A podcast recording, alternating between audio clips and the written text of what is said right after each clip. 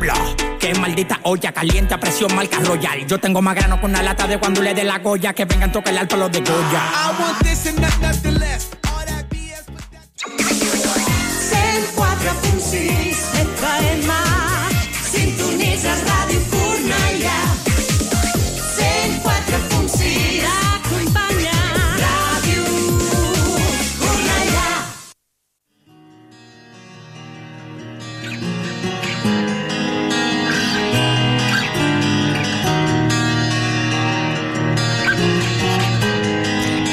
Cornellá comienza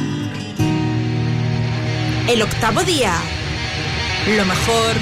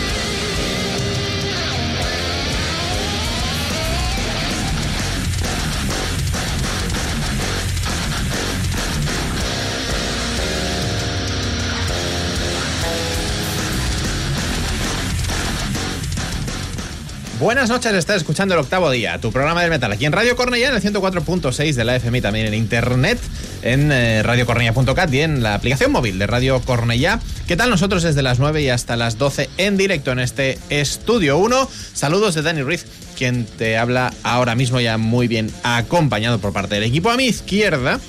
eh, raramente a mi izquierda, pero hoy a mi izquierda. Tony López, buenas noches. Buenas noches, es que está ocupado esto habitualmente, siempre hay Cierto. alguien aquí sentado y hoy que no había nadie, aprovecho. Muy cierto. Y a los mandos de la nave, por primera vez en este 2023, Xenia Sansarric, buenas noches. Buenas noches. Pues sí, 2023 eh, aquí presente. Feliz año a todos. Aún estamos dentro del plazo de decirlo. en fin, eh, hemos empezado el programa de hoy a modo de homenaje porque, bueno, no sé si estáis al corriente o no, pero el pasado viernes conocimos la triste noticia de que Javier Gutiérrez, el que fuera guitarrista de la mitiquísima banda Euskaldun Continuo Renacer, que son con los que hemos empezado el programa, pues falleció debido a una enfermedad. Y bueno, es como nuestro modo de, homenajear tanto a Javi, a- también a también a mm, Imanol, que falleció en 2019. Una banda con muy mala suerte en, este caso, porque son gente pues joven y siempre pues es triste. Y también recordarlos, ¿no? Porque en su momento, Continuo Renacer, fueron un boom. eh, Editaron ese famoso debut de nombre homónimo en 2005. Todo el mundo habló de ellos empezaron a moverse lo que es la escena, sobre todo extrema, dentro del mundillo del metal, aunque como podéis comprobar su propuesta se mueve más pues esa parte, vamos a utilizar el comodín, Tony, no me mates, progresivo. No, no, es que se movieron sobre todo en la escena prog, en todos los festivales pero prog. estaban siempre en, en los metal extremos, los vi yo en todos los de metal extremo. Bueno, pero, pero estaban más en los de prog aún. Hombre, de hecho, fue un- es lo que cuaja con ellos, Sí. es lo que encaja. Y luego también en el segundo largo que, que editaron, ese The Great Escape, del cual estamos escuchando la canción que lo cierra de Newborn, pues también tuvo muy buena acogida, muy buena repercusión y luego, pues bueno, pues la banda pues decidió cada uno con sus otros proyectos porque todos han estado, han seguido en la música y es pues nuestro modo de, de homenajear a Javi, que bueno, pues siempre es triste una noticia de, este, de esta envergadura. La verdad es que sí, la verdad es que sí. Es cierto, nos decía en el chat que es muy psicodélico. Bueno, creemos que tiene cabida perfectamente. No es nada En el- psicodélico, en el es- octavo es día. muy progresivo, es el típico bajo de, de rock progresivo de toda la vida. Psicodelia es teclados de estos no, que no hay aquí. Eh, Así es. es un- una banda de, de rock progresivo 100%. Y, y como tal lo petaron, fueron a- al Minuendo Festival, por ejemplo, fueron al Tiana Fest, fueron al Night of the Prog en Alemania, fueron un montón de los festivales de prog más reputados de, de toda Europa. Y muchos músicos, además, mm, de, bueno, que de grupos de prog y de no, porque recuerdo, por ejemplo, a Alex Webster de, de Cannibal, que, que los nombró en, en una entrevista como grupos interesantes que estaba escuchando en aquel entonces. O sea, han sido una gente que han llegado a. Bueno, A muchísima gente, sí, sí. Sí, sí, han traspasado fronteras, han, han hecho que gente incluso que no escuchaba rock progresivo ni, ni seguramente instrumental, que además quizá es más difícil de escuchar, ¿no? Porque al- a, a malas, si tienes voces, si quieres escuchar a Dream Theater, a malas un estribillo te puede enganchar, ¿no? Y quien dice Theater Sí, dice sí. Symphony X y quien, ¿vale? Hay bandas prox con cantante que te puedes enganchar un estribillo y es más fácil. En este tipo de, de propuestas es mucho más difícil. Y es cierto que tenían un reconocimiento, sobre todo de los propios músicos, bestial, bestial. Luego también es verdad que la propuesta llegaba al público, pero es un estilo además que en sí ya conlleva el, el ser muy fiel a ti mismo y no guiarte por nada ni por nadie. Y creo que es lo que a la vez les acabo de matar un poco. Bueno, Que cada uno siendo fiel a sus intenciones, pues al final decidieron que, que no podían seguir por este camino.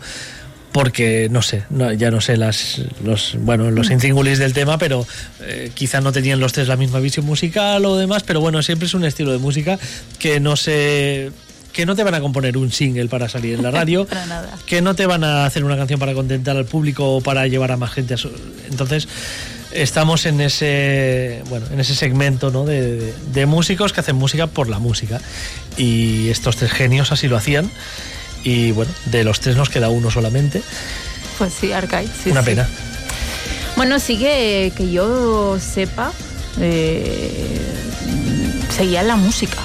La última vez que coincidí, cuando vivía por allá. La gente que Pero- toca también eh, no se puede Hombre, ir de no, la música. exacto. Sea, Aunque sea en casa, para sea sí amateur, mismo. sea, Sí, sí, eh, sí, es totalmente. correcto. Esta semana teníamos una noticia, evidentemente no a la altura de la tristeza de, de la del fallecimiento de Javi, pero teníamos una noticia de, de que Irra Ramos deja la música también.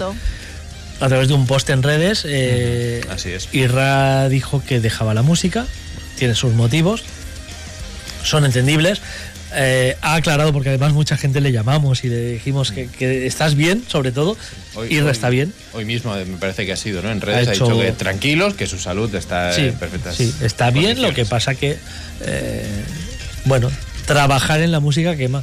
Y, y esperemos que Irra haya hecho un hasta luego.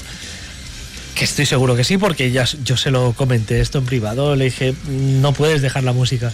No la vas a dejar. Puedes dejar de dedicarte profesionalmente a la música, pero no la vas a dejar. Entonces, en el momento que vuelvas a disfrutar seguramente con ello, porque lo que suele pasar en estos Exacto. casos es que te quemas tanto que, que lo dejas todo. El momento que vuelvas a disfrutar, eh, supongo que volverás. O sea que esperamos con los brazos abiertos la, la vuelta de Irra, porque ha dejado a, medios, a, a medias además proyectos que tienen una pinta A mí es lo que me sorprendió, porque claro, hacía relativamente nada aquí se había hablado de lo último que estaba trabajando Irra. Entonces, fue, mm, yo personal, o sea, para mí fue una sorpresa. Sí, había sacado el, el tema con los, con los músicos de Sauron. Y, y bueno, con una repercusión notable también, como, como la anterior Hijos de Medea que sacó con Ramón Laje. Bueno, se- todo ello iba conformando un, un todo que sería Blackjack 2, el próximo disco de Amadeus, que de momento se ha quedado en suspenso y que no sé si algún día acabaremos de ver o no. Yo, yo creo que como tú dices, yo, yo es que esto lo extrapolo también a nosotros mismos, el hecho de hacer radio o si escribimos o hacemos vídeos de YouTube o lo que sea. Y, y hay veces que te quema porque es mucho esfuerzo, mucha dedicación, muchas horas. Y, y aún necesitas como también un poco... Y nosotros al final no tenemos que estar peleándonos cada No, día. O sea, al claro. final vienes aquí porque quieres y no tienes que estar peleándote cada día. Cuando esto es tu trabajo, tu fuente de ingresos Sí, y tu sí. fuente de gastos, sobre todo, Sí, sí. eh, claro, no es lo mismo trabajar en cualquier sitio, como los trabajos que podemos tener nosotros fuera de la radio, que trabajar como músico. Un músico necesita inspirarse y un músico igual hoy compone cuatro canciones seguidas, como está tres meses donde no le viene inspiración. Pero esos tres meses tú tienes que pagar autónomos y tú tienes que responder a una serie de gastos y, y tienes que responder a una serie... Bueno, y además tienes que estar siempre en el mercado, por decirlo así. En el momento que desapareces eh, te puedes ir a, a la mierda, hablando mal y, y pronto. Y eso quema, eso, eso quema sobre todo a, a ese tipo de músicos que, que están consiguiendo vivir de la música, pero no vivir bien de la música, que tienen que pelearse cada, cada euro que les entra, se lo pelean, eh, bueno, y, me consta que, que es una batalla constante y durísima, que además eh, el mundillo es el que es, y más en un país culturalmente tan indigente como España, que donde, bueno, cuesta bastante pelearse, el pastel es muy pequeño y hay mucha gente capaz de hacer cualquier mierda para, para llevarse una porción más grande de ese pastel. Entonces todo eso acaba quemando. Y, y yo entiendo que haya mucha gente que diga, mira, eh, fuera, eh, lo dejo, desisto. Sobre todo gente como Irra Ramos en este caso, que, que es alguien de quien puedo hablar realmente, que es una persona, que es una persona noble, que es una persona a quien no le gusta pisar a nadie, que no lo vais a ver hablar mal de nadie ni hablar pestes de nadie. y que hace su camino y que se encuentra un montón de piedras que con las que no está dispuesto a lidiar seguramente, porque lo que quiere es expresar su arte y punto. Y bueno, pues por ahí a Irra le deseamos, eh, como siempre, lo mejor desde aquí y, lo que decíamos, estoy seguro de que en el momento que, que pase un poco la tormenta y, y vuelva a disfrutar de la música 100% estará, estará de nuevo con nosotros. Desde luego que sí. A mí me sigue flipando por eso la cantidad de gente, en, por lo menos en España, que sigue creyendo que dedicarse a la música es tocar en Iron Maiden. Es decir, que todo es el sexo, el drogas y el rock and roll y el glamour y que la gente esta vive de puta madre y que eh, económicamente tienen la vida resuelta cuta la realidad del 95% o, o más, O más. del que se dedica a la música no es esa. Pero como decía Tony, creo que lo ha definido Y más en el perfectamente, metal. esa indigencia cultural que hay aquí Sí. eh, nos hace pensar que, bueno... Bueno, solo, te- solo tienes que ir a ver a un grupo como Evergrey, que es un grupo top en Europa al nivel Prog Power sería de lo más top y solo tienes que ver cómo los chavales que los telonean desmontan el escenario, se empiezan a cargar cajas en el, en el remolque del autobús y demás y Evergrey, como ya tienes ese estatus, pueden no desmontar su equipo y cargar las cajas. Pero por debajo de Evergrey, todo el mundo curra como, como un condenado para, para mantenerse. Tú y yo hemos visto a un señor después de un concierto brutal en Barcelona cogerse una furgo porque al día siguiente tenía un examen de de funcionario, ¿no? Sí, unas oposiciones, cierto. Y ya estamos hablando de una banda que es de lo más top de aquí. Sí. Entonces, bueno, en fin, así funciona. Dejamos, eh, pasamos ya al siguiente capítulo de hoy, Tony, con algo que nos ha hecho mucho daño, que Bueno. saltó hace pocos días. Eh, ahora, bueno, des- después de la entrada, que es un poco el tema conjunto que ponemos todos, pues eh, empezamos la rueda y pincha uno de nosotros. En este caso no va a ser así, en este caso vamos a pinchar dos de nosotros. Y es que va a ser una pinchada Correcto, conjunta con Dani, porque eh, eh, Dani y yo compartimos muchas cosas en cuanto a gustos musicales, pero Exacto, creo que, exacto, por encima de todas está esto. Y es que la banda Así es. japonesa Galnerius saca nuevo trabajo este próximo 1 de marzo, se llamará Between Dread and Valor y es otra vez a New Special Album. Eh, con su anterior Union, Union Gives Strength ya decían que es un special album porque era más un EP que un álbum Eh, sí, exacto. seis temas, pero bastante largo, más largo que muchos discos de thrash, por ejemplo, pero aún así seis temas, que no deja de ser como media, medio disco de Galnerius. Y en este caso repiten la fórmula con este Between Dread and Valor. Sí que es verdad que, que es un poco trampa porque repiten la fórmula a nivel de menos canciones, menos duración, pero el, precio es el mismo. Y lo digo sabiendo porque ya está comprado y, y a la espera de que el día 1 de marzo esté en casa las varias copias que se, que se han pedido. Como digo, eh, Between Dread and Valor será la nueva propuesta de la banda de Siu. El viernes estuve viendo que luego hablaremos al mejor guitarra sobre la tierra. A años luz del segundo, que se llama John Petrucci, pues ese segundo seguramente sea Siu. Guitarrista de Galnerius que vuelve a, a dar muestras de su maestría espectacular en este Run to the Edge, que es el tema que nos han ofrecido como adelanto a este nuevo trabajo de Galnerius.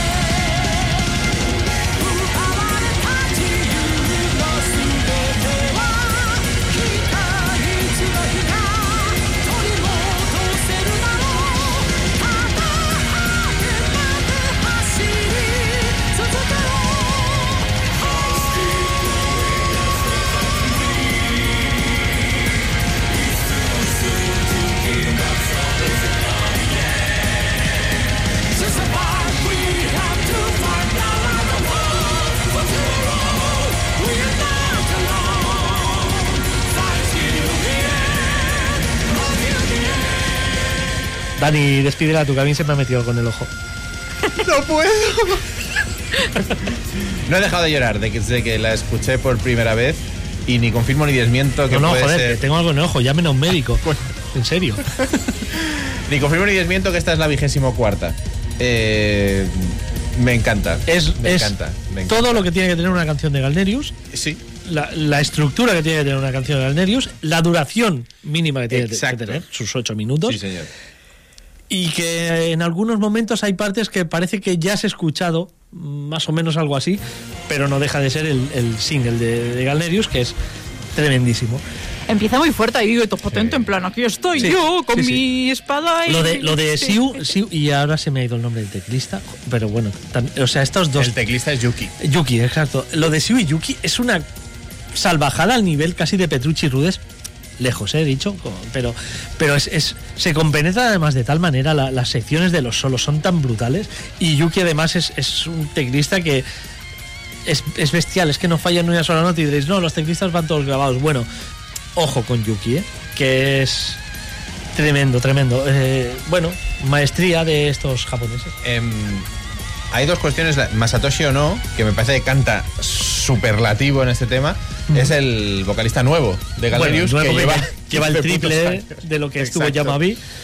Eh, Yuki tiene otro, bueno, Yuki eh, toca en 70 grupos, pero tiene uno que me encanta, que pinché en el octavo día, que se llama Alhambra. Y me hace mucha gracia el nombre y, y quería decirlo. Y esta es la segunda intervención de Lea, que este sí que entró en 2020, el nuevo batería, Y que, que- luego está a la altura. Eh, sí, sí, bueno, es que tienes que ser una, una bestia tocando para, para entrar en esta banda. Y porque- según he leído por ahí, eh, Siu es un poco mm, Muy. tiquismiquis a la hora de fichar músicos. Sí, ¿eh? correcto. Hace, hace Sí. audiciones eternas y, y no le vale cualquier cosa. Y cuando digo cualquier cosa, hablamos de músicos top que eh, a todos les ve un algo que no. Y, y para que Siu fiche a alguien, para Galnerius es que, Sí, sí. es que es una máquina. Realmente, de hecho, bueno, el cantante te puede gustar más o menos su estilo, pero eh, las notas que escuchas aquí las reproduce en directo exactamente. Y yo estoy seguro que sí uno va a permitir un Dream Theater. O sea, no va a permitir que, que tener un cantante como Labri que no llegue a las notas. El día que no llega a una nota en directo, Fuera. ese señor no va a cantar no, más en Galderio. exactamente. Y, y- Exactamente. sí, sí, es una exigencia brutal. Y bueno, pues eh, así tenemos eh, Sí, señor. Una banda tan brutal como Galnerius, a la que seguiremos Forever and Ever, si- sin duda. Esperemos que sí. Eh, nos han vuelto a decir nuestra queridísima Mónica en el grupo de Telegram que sí, que ella los vio. Eh, sí, sí, sí. Pues mira, Mónica, yo no. Ni yo. ¿Qué le vamos a hacer? Pero no descartamos ir a la gira. Esta es en Japón y, y en Japón en marzo o abril. Igual Para el, Igual- para la flor, para el cerezo en flor, igual podemos, Podemos. igual podemos aparecer por allí. hombre, tendría su puntito, ¿eh? Sí, sí. No te creas. Tú que imagínate a los a los señores japoneses asistentes al concierto, ver a dos occidentales ahí llorando. Sí, señor, Exacto. Pueden flipar muy bueno. Sí. La parte cojonuda es que esta vez nos podríamos poner detrás y veríamos igual. Sí, sí, sí, sí, cierto. Porque si se te pone delante el alto de Japón, le sigues sacando la cabeza. Exactamente. Así que no habría, no habría problema en ese, en ese sentido. Eh, yo después de que Tony hable de John Petrucci y de que escuchemos a Galnerius, pues evidentemente da igual lo que ponga, Sí. porque va a ser un paso atrás, pero quiero traer una novedad que se me escapó la semana pasada, la traía, no la, no la pude pinchar. Me voy a ir hasta... mm, eh, bueno, iba a decir Rusia, aunque la banda está afincada actualmente en Londres, bueno, desde hace un tiempecito en, en Londres, y voy a entrar ya en terrenos de estos que ya sabéis que me encantan, ese death metal melódico, con folk, etcétera. Hablo de Concrete Age, eh, banda de, muy, muy peculiar vestimenta que acaban de editar Bardo Todol, su, creo que séptimo trabajo de estudio, una banda que tiene ya un recorrido realmente muy importante y que eh, es una de esas bandas que he escuchado pues por pura casualidad y que me ha encantado porque tiene para mí esa combinación perfecta entre eh, partes más agresivas, un tipo de voz que me encanta, pero también se permite coger aire con esas partes folk que suavizan un poquito el, disco y que a mí me entran realmente muy bien. Nos vamos hasta el cuarto tema de este Bardo Todol, Threats of Fate.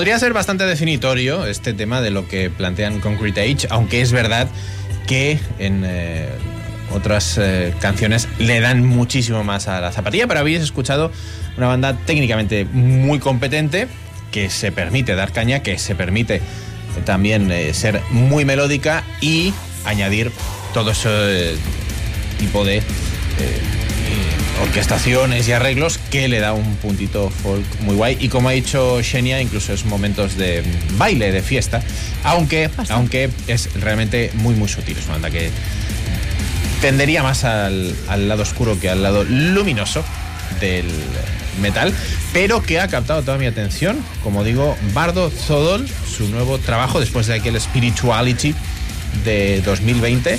Tienen una trayectoria muy, muy sólida, la banda rusa afincada en Londres. Y para aquellos que gustéis, pues esto que estáis escuchando, ¿no? Ese death metal melódico con un puntito de folk, con un puntito, nada exagerado. Es, es- echadle una escucha porque creo que se va a situar en, en- iba a decir en el top de, de mis discos del año. Estamos ya, en enero. no, no empecemos. En un top, en un top 25-30 seguramente puede acabar entrando, aunque el año es muy largo. En el top de enero, Eh, quizá. En el top de enero hay lucha en el top de enero. Hay lucha en el top de enero, pero en Cuidado con el top de enero Cuidado con porque el top de enero. habría lucha con el top 20 de enero. Este Sí, pasado sí. viernes salieron tantos discos mm, tan variados que, ojo, eh. Yo, yo no sé. Vamos, es que tenía dos discos muy claros en enero, pero. No sé. Ahora- Que va a tocar ampliar y hacer. Bueno, tú vas a poner ahora un tema de un disco que salió este pasado viernes 20 de enero. Sí, pero ¿Qué que no estará en tu top. Pues mm, lo he barajado como uno ¿Lo de ellos. barajado? Sí, no está, no está mal el disco. Pues después, mira, ya que vamos hablando de esto, después de lo que yo considero un poco de bailoteo, porque tiene facetas en la canción de un poquito folkis bailables, vamos con una de las novedades de, de esta semana, como comentaba Tony, Un disco muy esperado, por lo menos por mi parte, como es el de los suecos Catatonia. Nuevo lanzamiento, el número 13 en su carrera llamado Sky Void of Stars. Eh, ya te habíamos escuchado un par de singles adelanto. Mira, estos bailan. Esto es para bailar. Una sardana. Casi, casi, casi. Ah, Seguimos con, con Catatonia, perdón. Y, y bueno, después de escuchar el disco de Catatonia bastante de forma concienciuda, veo que siguen en la estela de lo que denominamos tercera época, etapa Catatonia, es decir, eh, la primera, pues por supuesto, más extremita, más... Sí, más extrema, la segunda un poco como más góticosa y ahora cada vez más pop.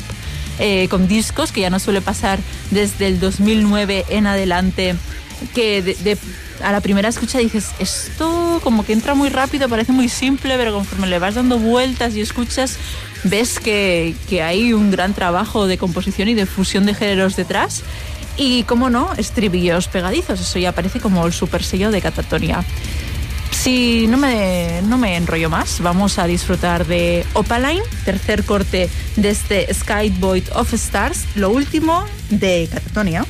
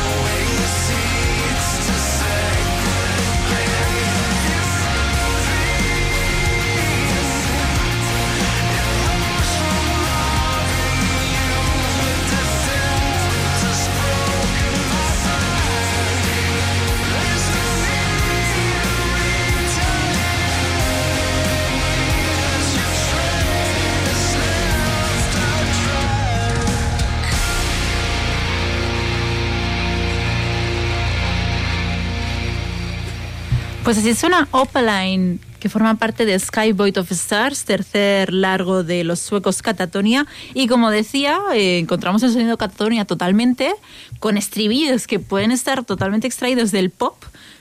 Sigue habiendo metal ahí como un poco de granado, ahí está, porque de estar está, con fusiones y mezclitas, como este inicio un poco síntesis y demás. Pero bueno, a mí me sigue gustando la propuesta. Sí que es cierto que el disco, aunque lo he escuchado varias veces, no me está, por lo menos a primera escucha, agradando tanto como anteriores. Pero como que aún lo tengo que escuchar más. Eh, Tony sé que ha puesto cara He de... tenido un problema y es que eh, es otro disco que salió el mismo día. Yo el viernes 20, además de ir a ver a Dream Theater, mm, intento no escuchar nada de la banda a la que voy a ver, por lo tanto dije voy a dedicarme a los estrenos que hay muy suculentos. Y claro, escuché a Catatonia y escuché a Riverside. Ah, Riverside me habían asustado bastante con el tema que abre el disco, además, que abre con unos teclados ochenteros que parece, No he escuchado parece Aja, disco. más que Riverside. Pero o sea, esa canción se arregla muy bien hacia el final y el disco está muy arregladito, la verdad, y tiene pasajes similares a Catatonia. Tiene pasajes así bastante, bueno, acústicos, también la voz de Mario Duda también muchas veces juega con estos tonos y la verdad es que me ha gustado bastante más el de Riverside.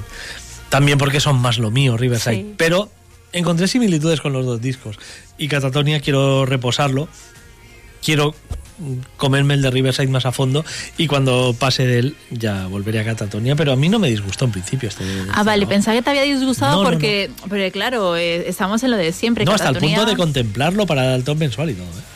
Bueno, me, me sorprende gratamente, pero me sorprende. Pero es, es lo que decía al final, es que lo que estamos escuchando nos lo da otra banda esta propuesta y no lo colamos eh, en el programa. No lo sé, igual sí.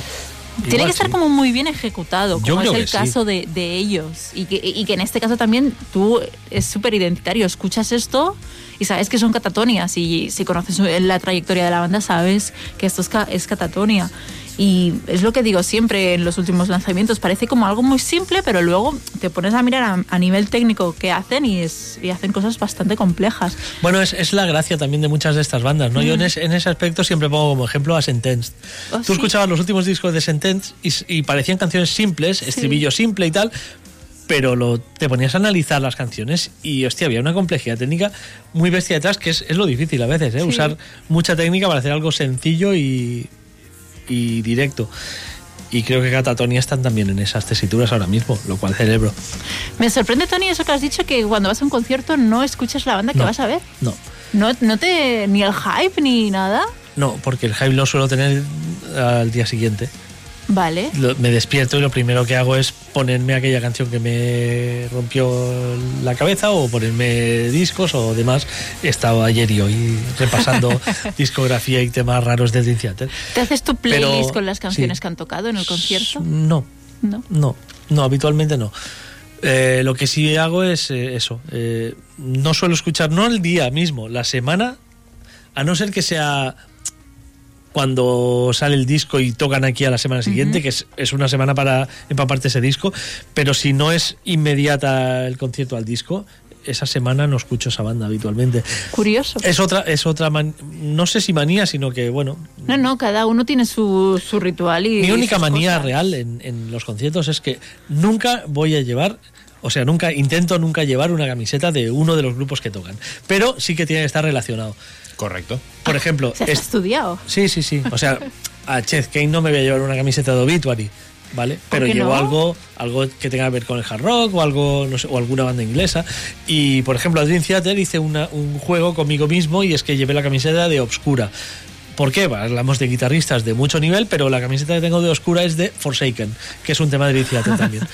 Bueno, eh, yo qué sé, no me juzguéis, ¿vale? No, no, juzgar ni Fíjate, nada. nos, nos dice en, en Telegram Kiko, nuestro técnico. Que está aquí al lado. Que Que podría venir y decirnos venir no, y pero decirlo en no, antena. Lo dice por, por Telegram. que, que antes de un concierto dice que el grupo que vaya a ver lo lleva en bucle toda la semana. Claro, yo, yo soy igual que él. Incluso, no siempre, pero a veces miro los setlists. Hay otras veces que prefiero que me sorprenda. Sí, pero por eso, yo miro el setlist, yo el de Dream Theater lo miré porque además esta gira la vi en mayo, dos veces. Y claro, quería asegurarme de no ir a ver exactamente lo mismo. Que hubiera ido igual, ¿eh? Pero, Sí. pero bueno, te lo miras, ves la diferencia. También es verdad que es una banda de la que me conozco profundamente toda su discografía. Y vale, sé que van a tocar esto, no me voy a poner esto porque además os he escuchado decenas de veces. Bueno, voy y, y me lo encuentro. Esta semana no voy a escuchar nada de Flesh God Apocalypse, ni de Vidras a la Sang, ni de ninguna banda de las que vaya a ver el próximo fin de semana. Es Yo de Flash God me he bajado. Porque la, la última vez eh, ya me decepcionaron un poquito, Bueno, pues me que quedé un poquito tenían- fría. Y, tuvieron un lesionado la última vez. y como ya no está Omnium Gatherum, no sé. Ahora mismo te digo que no a Flash God. Ya, bueno. Los he visto ya un par de veces y Bueno, no sé. Y con quien tengo dudas es con David Thousand, que me va a pasar como a ti Dream Theater. A David voy a mirar el setlist. Porque como toque todo del último disco, pues eh, no me voy a enfadar porque él es libre de escoger lo que quiere tocar, ¿no? Faltaría más. Pero lo que me enfada es el precio. Ya. Me enfada muchísimo que en cinco años se ha triplicado o cuadruplicado lo que yo he pagado por ver a David Thousand. pero eso es lo que me enfada. Te pasa. A mí y a todo el mundo, por supuesto. Pero es en plan, Nos no. así. Mi no lo primer vale. concierto de Maiden valía 2.500 pelas. Sí, bueno, pero que, que, que, bueno, cosas mías. Tenemos en Telegram. Tenemos en Telegram. Eh, nos decía Kiko que la semana del concierto va con el grupo a tope. Pepe nos dice que también. Eh, Tony Raruno, eres el Vale, pues soy yo. Qué raro. es- me, sí, sí. me sorprende ser el raro. Bri no me dice suele pasar. que, que si no le da tiempo se deja sorprender, pero que si puede intenta escuchar algo ese día o los días Es antes más. del concierto. Sí, sí. Es más, hay bandas, por ejemplo, Flash God tocan con cuatro bandas más. Sí. Yo de esas cuatro bandas conozco y, y a una no muy bien, pero conozco a dos. Dos puedo decir que las he oído. Las otras dos no tengo ni la más remota idea. Y ahora he, de- bueno, he desarrollado la capacidad de, de ir a que me sorprendan. Muy bien. A ver qué veo. Porque me he llevado hostias en la cara como a Ligian, a los que conocí sin saber nada Y de ellos. Shaon, Invain. Bueno, Invain sí que había oído alguna cosa, pero no estaba muy metido en Invain hasta que me. Es que casi no vi a, a Subterráneo en Masquerade porque estaba volando con Invain después de- del bolo de esta gente. Entonces, me, me guardo, me gusta que haya un par de bandas que no conozco para ver el que. Que no me gustan, bueno, tocan 30 minutos, Sí, no pasa nada. sí. Que me gustan tanto como estas, pues descubrimiento en directo que es, os lo recomiendo muchísimo, Sí. descubrir una banda en directo es brutal. No hay que llevarlo todo estudiado, no hay que llevar todos los enlists sabidos y todas las canciones que van a tocar, no hace falta. Cuando dicen The next song is cold, no hace falta que le digas tú el nombre. Ya sabemos que sabes mirar internet. No, pero hace falta. en Celtic Flash no hace falta mirar internet, sino haberlos visto en directo, porque Ya, es que hacen exactamente lo lo mismo. O sea, Sí, ahí es culpa de ellos. Si hacen siempre lo mismo, la gente se queja de que siempre hacen lo mismo. Si no hacen lo mismo, y vuelvo a Dream Theater, es que tocan canciones. Esta vez han recuperado Paul Meander, que es una de las de los clásicos, pero la pasada gira en mayo no tocaban ni un clásico. Y claro, la gente sale diciendo, es que, es que tocan temas muy raros. Es que, ¿Qué más quieres? Te están tocando una canción de un disco de hace 25 años que no habían tocado desde hace 20, tío. Pues mm, la gente siempre se va a quejar. Entonces, cada banda que haga lo que quiera. Si Flesh quiere repetirse, Pero lleva años así. ya, pero. Con los teloneos que decía Tony siempre me repito, pero es verdad. La que ha acabado siendo una de mis bandas favoritas, como es Guice, por cierto. Por ejemplo. Por cierto. Parece que cambia de nombre. ¿Ah, sí? ¿Por qué? Han cambiado el nombre en sus redes sociales. De momento no han hecho ningún comunicado. Ah. Han dicho en japonés algo así como se vienen cositas. Sí, bueno, es, Vale. que, es que yo lo vi en una carta de un restaurante japonés, esto de Gize, y dije que. ¿Por qué? Sí. Eh, que me los encontré de sopetón en, en- en un concierto de Battle Beast. Eh, así que en, en ese sentido realmente la sorpresa Es un gustazo. es un y- gustazo, y- sin duda. Y ya digo, como muchas veces el hype es a posteriori del concierto, Sí, eso sí. no voy a estar una semana antes escuchando y cuando llega el concierto, la semana siguiente también. Pues mm, me reservo, los cojo con muchas ganas porque hace tiempo que no escucho las canciones y no sé, son maneras de, de actuar y Sí, sí, cada uno totalmente. tenemos la nuestra o, o yo tengo la mía y, y todos los demás tenéis la No, vuestra. no, yo creo que cada uno tiene la suya. Incluso varía según la banda. También es cierto, también es cierto. Sí, sí, es, es verdad que, que hay ban- Yo varía según el conocimiento de la banda, ya te digo. Si lo conozco muchísimo, o sea, el día que vayamos a Galnerius, Dani, yo no escucharé Galnerius esa semana. Pero si voy a ver a una banda Eso que conozco menos, pues igual sí que me empapo un poquito antes de. No sé. Mm, correcto. Sí, depende de la banda y del, del- la cercanía que tengas con ellos. Claro, es que es absurdo que yo me ponga a escuchar en bucle el último disco de Dream Theater antes del concierto. es que ya me lo sé. Claro. Es que no me hace falta. Y el hype lo voy a tener después del concierto, seguro. O sea, eh, con Pyramid, aquella banda mítica de Tony Vallés, recuerdo cuando acabó el concierto de from a Memory, abril del año 2000.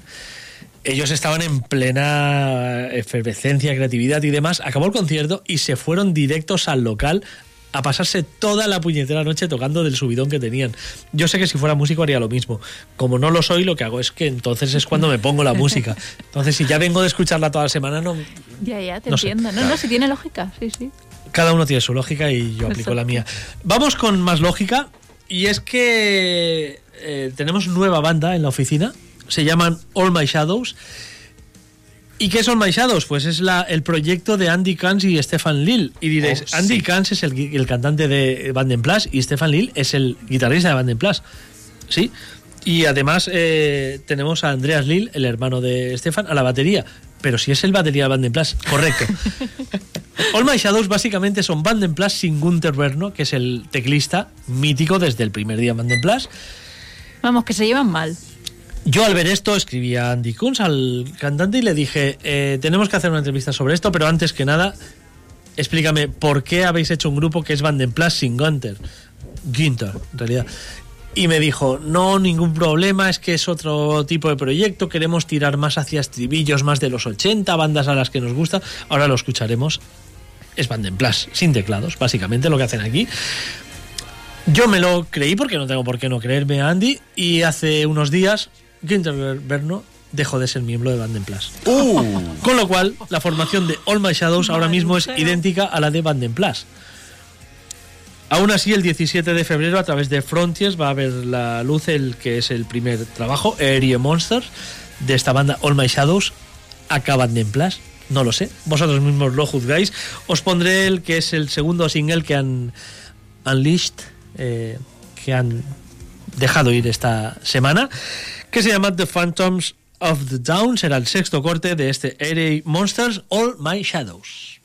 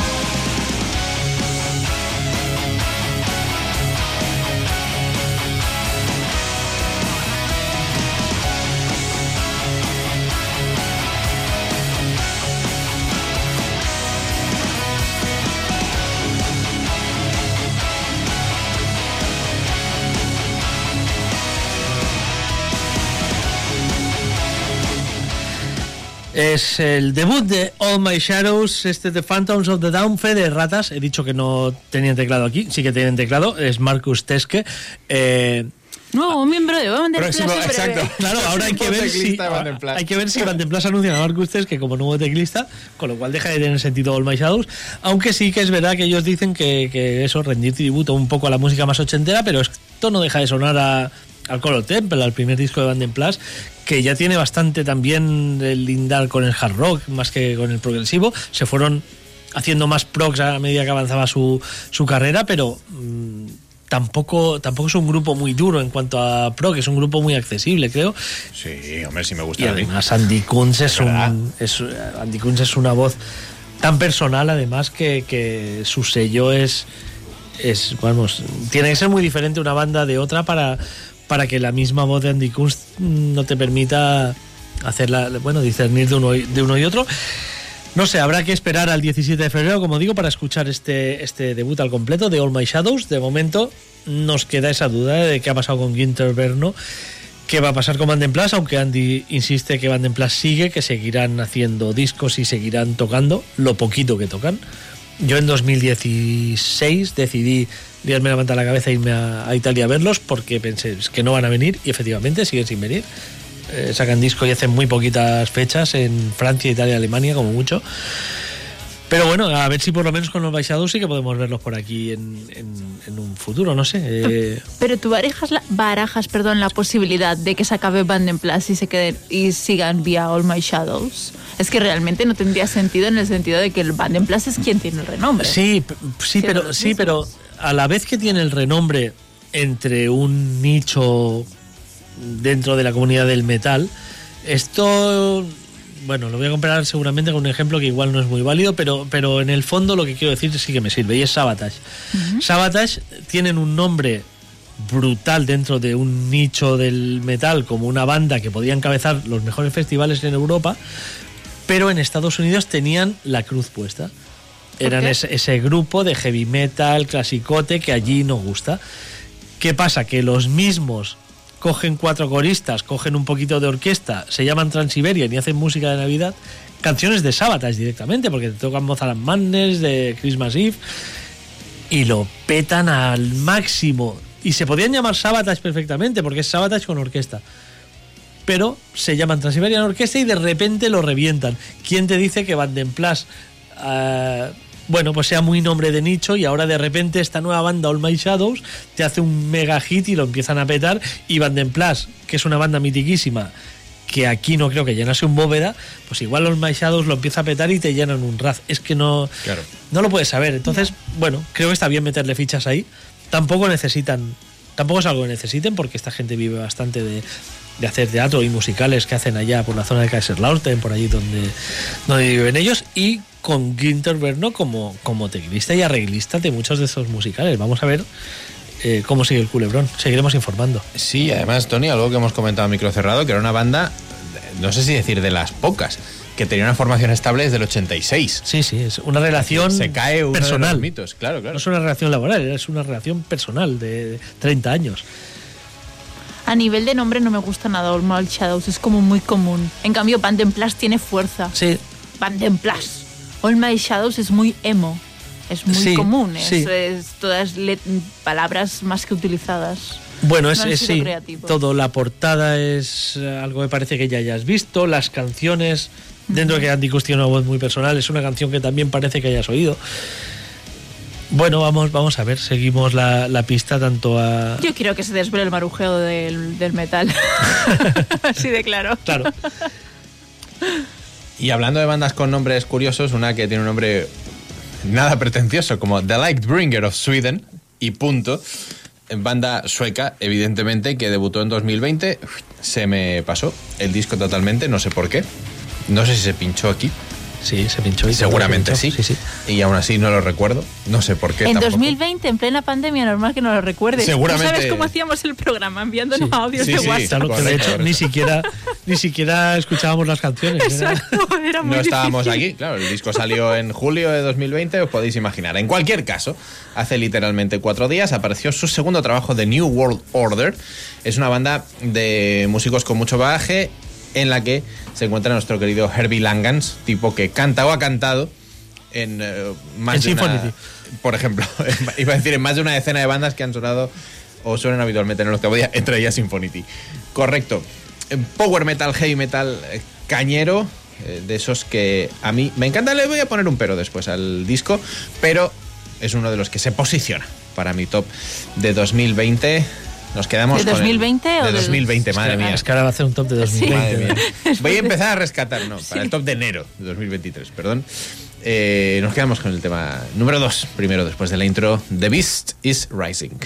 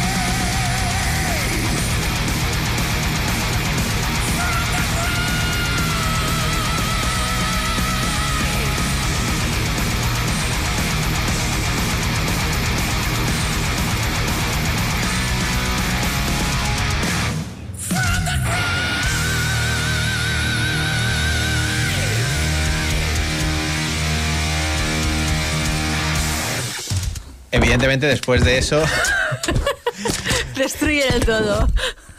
A la mierda ya. Yo no hago más tops ya. En enero, no puedes tener en enero estas dudas ya. correcto. Eh, me he imaginado a Herbie Langans después de eso, micro a la altura de la cintura, de pie, mirando fijamente al público, ¿no? Es que te lo imaginas, te lo imaginas. Eh, una auténtica gozada. Este segundo trabajo de The Lightbringer of Sweden, este The New World Order. Decía antes que le iba a poner un pequeño pero, y es un pero muy sutil, y es que después de tener un, inicio arrollador con los dos, tres primeros temas, luego se permite tres temas más, más lentos, más medio tiempo, una balada, y la verdad es que al escucharlo de golpe, ay, me cortó un poquito el ritmo, vuelve a acabar otra vez en alto muy bien, eh, en la segunda escucha mejor, pero sí que es verdad que estaba yo muy arriba meneando la cabeza y de repente, ah, hubo un poquito ahí de coitos interruptos. Pero, pero, aún así, eh, firme candidato a top- al top 10 del año, vaya. Cuidado, cuidado que sigue dándole escuchas. Y, Sí, sí. y me, y me vuelves a hablar. Cuando ya es cuatro o cinco escuchas más, me vuelves a hablar de los temas esos lentos del medio. No, no, no, ojo, ojo, ojo. Que no vayan a ser los mejores del disco. Ojo, ¿eh? ojo, ojo. Cuidado. No digo que no me hayan gustado, digo que venía sí. con el subidón y es como, ay. Pero no, no, ya lo he dicho, disco que se postula al top de enero seguro. Eh, bueno, que, que- bueno, no, no queda tanto enero. Top de enero casi seguro, por, casi seguro, porque ya sabéis que hacemos dos por, por cada persona del octavo día eh, y porque hay uno que ya está en posesión de Tony, que yo no voy a tocar, que va a estar en mi top. Mm, No lo sé. eh, Es que ya te lo dije. Espérate a que salga Correcto. el próximo viernes, lo escuchas y, y me lo dices. Porque no creo que te puedas resistir. Sin duda. Creo que vas a quemar todo lo que había al pasado y vamos a compartir discos, ya verás. Conociéndote, Si al final tendremos que dejar de hacer tops, está claro, es- porque no es se imposible, puede. es imposible. Yo creo que estos Linebringer of Sweden eh, van a entrar a mi top 10 de enero sueco. Casi El seguro. sueco. Casi seguro. Solo el sueco. Solo el sueco. Hay que empezar a compartimentar muchísimo. Sí, sí. O si no, en vez de, del 50 al, al 1, se hace cada mes en, en audio del 50 al 1 del mes. Del 50 al 1 del mes, En el- suecos. En el top 35 de bandas del área de Göteborg entra. De enero. De enero entra. Es una es un locurón. Es un locurón. Y Xenia, yo creo que lo que nos traes también es de altos quilates, ¿no? Hombre, por supuesto, porque una de las bandas super míticas de thrash metal que intenta que nos aproximemos a ese thrash metal ochentero son Ready Money, que el pasado septiembre editaron un EP, ya lo presentamos aquí. Este Don't Fall on Penance. Y bueno, pues eh, como el concierto es en breve, el próximo 4 de febrero, junto a, a Onirophagus en la sala de Zoe del Hospitalet. Aún me cuesta aún as- asociar Zoe como sala de conciertos de Sí, metal, pero correcto. bueno. Eh, pues ahí, ahí estaremos, ¿no? Para disfrutar de, este EP que van a estar presentando Ready Money. Y qué menos que, pues bueno, pues escucharlo. Y precisamente con la canción que lo, cierra, The Last Man to Enter Hell, que bueno, ya el título lo dice todo. Y aparte, si nunca habéis visto a Ready Money y os mola el thrash, tenéis que ir porque el directo, mm, divertimento es poco. O sea, es súper performática la banda y te lo pasas bastante bien. Y bueno, la música, por supuesto, acompaña. Sigamos con un poquito de Ready Money con The Last Man to Enter Hell.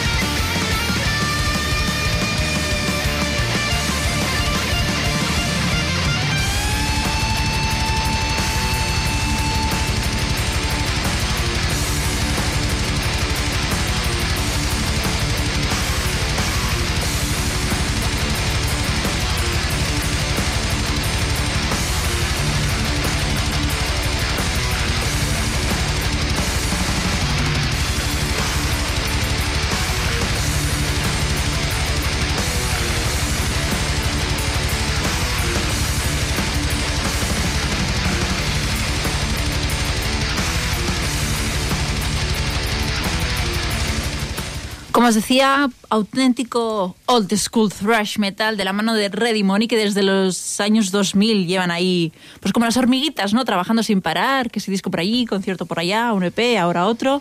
Y bueno, pues eh, los tendremos, como digo, el próximo sábado 4 de febrero en la Zoe junto a Onirefagus para disfrutar de una buena dosis de thrash metal.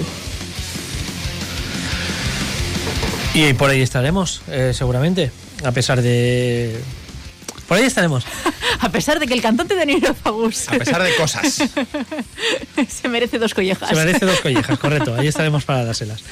Eh, pues eh, eh, vamos a adentrarnos en el terreno extremo eh, y para ello nos vamos a ir a Florida. Florida, eh, la casa del death metal americano. Total. Y de allí nos llega pues uno de los grupos más míticos como son Obituary que pues, eh, editaban eh, el día el pasado día 13 su, su nuevo trabajo Dying of Everything. Lo más novedoso del trabajo es la portada, Te iba a decir. básicamente es Lo único. Es que es lo único nuevo porque el resto es 100% Obituary, Bien. cosa que celebramos. El sonido de guitarras de Obituary toda la vida, el John Tardy canta como ha cantado toda la vida y tenemos una colección de nuevas canciones de gran nivel. De lo que le pedimos a Obituary, no le pedimos más. Le pediríamos igual que no vengan abriendo para Trivium tocando 20 minutos ante un público seguramente que no Y, entiende y su que sean propuesta. simpáticos también, se lo pediríamos. Vale, sí, también es otra cosa, les podríamos pedir. Sí. Bueno, eso ya Sí, me. sobre todo si Eso ya, tienes que entrevistar. eso ya me da un poco más igual. Eh, la cuestión es que en este disco encontramos, sí, eh, sonido Victory 100%, pero además encontramos algún detalle que a mí me retrotrae hacia la que es su obra, para mí por lo menos, cumbre, como es Cause of Death, donde teníamos esas cadencias un poco más, eh, bueno, más lentas, ¿no? Temas, temas más... eh, No me atrevo a llamarles eh, Doom, pero sí tamizados un poco en ese estilo más, bueno, más intenso y no tan veloz, no tan rápido, como es el tema que cierra este Dying of Everything de Obituary. Se llama Big Warrant y es un temazo. Obituary, vuelven.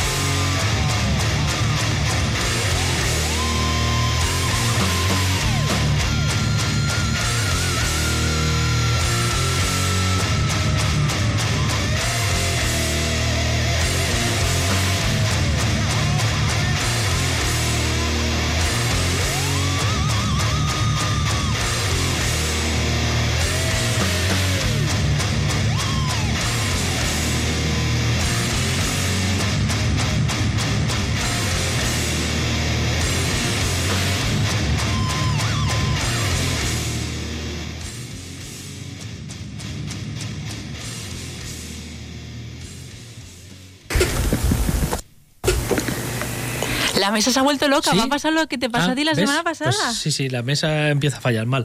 Eh, así acaba el nuevo trabajo de Obituary, Dying of Everything. Dying, que es, Dying. un, que es un tema de Cause of Death, un tema con esta misma cadencia, y, y ciertamente, eh, bueno, va, va por ahí este Big One, va, va bastante... es hay, hay ratos que cantarías We're dying, que es lo que, lo que hacen en, en aquel tema, como digo. Bueno, es un disco variado dentro de ser Obituary, que no es una banda nada variada. Es un disco en el que puedes encontrar a los Obituary, bueno, sobre todo los últimos, pero también encuentras pues estos guiños al pasado, que personalmente ya me va bien. Y lo que, bajo mi punto de vista, hacen bien, sin ser yo aquí la super fan, es mantener el sonido añejo. Sí, no, no, Eh, eso es, eso es un ¿Sabes? escándalo. Mm. que, que lo sigan manteniendo con. Pese a que han pasado los años y la tecnología ha evolucionado muchísimo, porque creo que al final la gente que disfruta de Obituary es lo que busca. En plan, ese sonido tan raw. Y además que, que tú llegas a- al concierto, en Contribuum tocan eh, los segundos de cuatro bandas. Verás a una banda, es que ahora no recuerdo el cartel, pero verás a una banda que sonarán como sonarán, saldrán ellos y escucharás esto, porque suenan así en directo, es una pasada. Y luego vendrá otra banda y ya volverá a no sonar así. Y dice, hostia, tienen ahí tienen el, el trademark de, de Sí. ese sonido, es una pasada. Sí, sí. Una pena que sea entre semana y me lo tenga que perder, porque. ¿Con quién tocan aparte? O sea, ¿quién telonera? Telonera. Hebel Shalborn Uh, y. Obituary, además de otra banda. No pegan nada. No pegan nada. nada. O sea, todo Pero como- Obituary se mete en donde haga falta. Han girado ya con un montón de bandas diferentes. Y mira, es otra manera de llegar a más público también. Sí, sí. Mm, Dudo que un fan de Heaven Shall Burn se vaya a poner a Obituary por gusto, pero como tocan antes de su banda favorita, los ve allí, si le hacen gracia, pues mira, otro que han ganado para la causa. A ver, Obituary en directo molan, la verdad. Sí, sí. Es una banda que te, te lleva con ellos. Yo es una banda de pensar que no vería nunca, no porque no me gusten, pero es verdad que a lo mejor eh, ir a un concierto en el que ellos sean cabezas me costaría más. Como dice Pello en la sección que hace de la Cataluña rural, está Bel Popla, bueno, si, si tienes que ir expresamente, no vayas, ¿no? Pero, aunque no vayas a ir expresamente, Exacto, si estás allí. Pero los vi en, en la gira, en la última gira de Slayer, pero también fueron 25 minutillos. La verdad es que me quedé con ganas de más. Solo.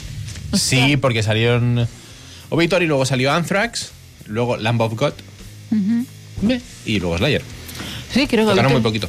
Siempre en no te metas con. Lamb of God, que ahora ya tenemos a dos fans de Lamb of God en el grupo de Telegram. Pues que me escriban por privado y me lo cuenten. Eh, muy, muy bien.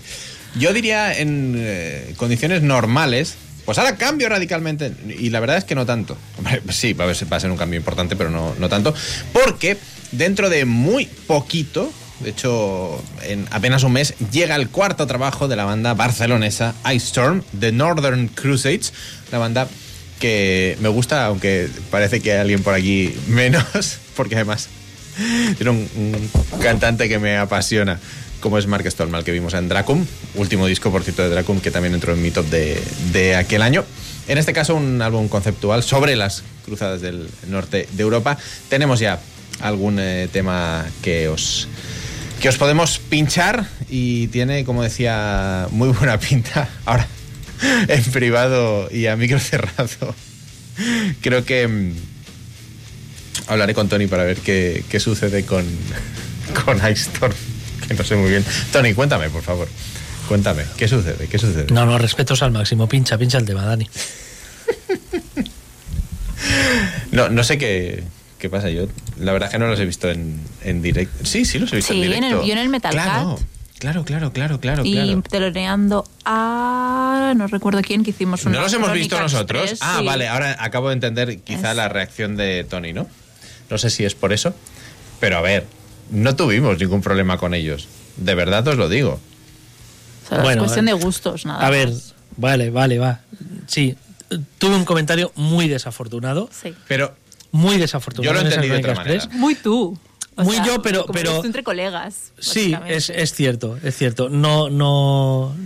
Bueno, no me di bien, es cierto.